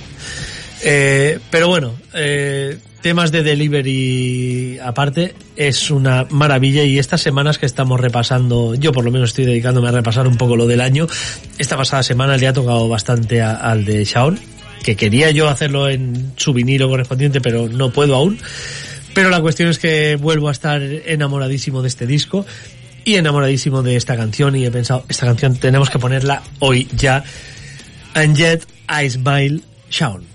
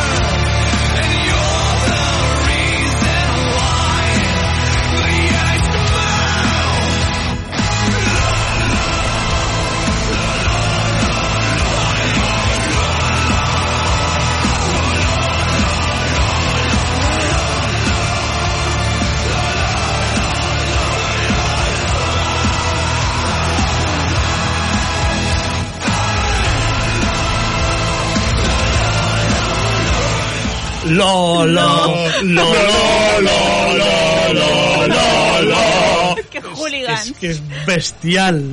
Delicioso. Es absolutamente épico este final Angela Smile del tema perteneciente a Delician de Shaun, uno de mis discos de top de este año, sin Delicia, duda sí, alguna. sí. Eh, sí, Delicia, Delicia, Delician. brutalidad. Eh, es el, el disco, como digo, sí, es una auténtica brutalidad. Eh, hemos visto incluso pasajes cantados en francés, ellos son suizos, eh, o sea que tienen Sin problema. sin ningún problema en, en, en No, bueno, abordar. no piden taxis. No. Eh, ya está, es que Shaun, ¿qué más os voy a decir? Dejo que Xenia cierre con sus cositas. No, no, si es que después de Shaun, cualquier cosa que se vaya a poner eh, eh, es, eh, no llega a la altura, es, así. Y después de Dani, David y yo aquí cantando lo, lo, lo, lo, lo, lo, lo, fusilidad, ya, ¿qué, vas a superar? Eh? No, no voy a superar nada. Sí que es cierto que hoy nos ha quedado un programa bastante extremo, ha salido sin querer. Yo tenía varias cosas de Power Metal en mente que no he traído para ¿sabes? Pero bueno, sin más, es lo que hay. Chicos, muchas gracias por vuestras aportaciones del metal. Eh, seguimos eh, dentro, nos escuchamos dentro de dos semanas, el 18, con ese programa, lo mejor del año. Va a ser el mejor programa del año porque vamos a, dis- a desgranar un poquito lo mejor de 2022 y sobre todo, ahora ya toca estar atentos a redes sociales porque vienen esos tops, el de diciembre, el anual. Queremos saber también los vuestros y, y nada, nos despedimos a ritmo de una versión hecha por Amberian Down, la banda finesa de Symphonic Metal, que ha hecho un disco tributo a ABBA. Yo he crecido por culpa de mis padres escuchando a ABBA y bueno, siempre que escucho ABBA pues eh, me alegro y, y me mola que hagan este tipo de tributos en el mundo y el metal. Y como después de Shaun todo iba a ser mierda, pues por lo menos poner una mierda bailable. Ya está. Nos des- Perdona, nosotros hemos bailado Shaun aquí ampliamente. más bailable, más bailable. Muchas gracias por escucharnos y hasta dentro de dos semanas. Adiós. Movie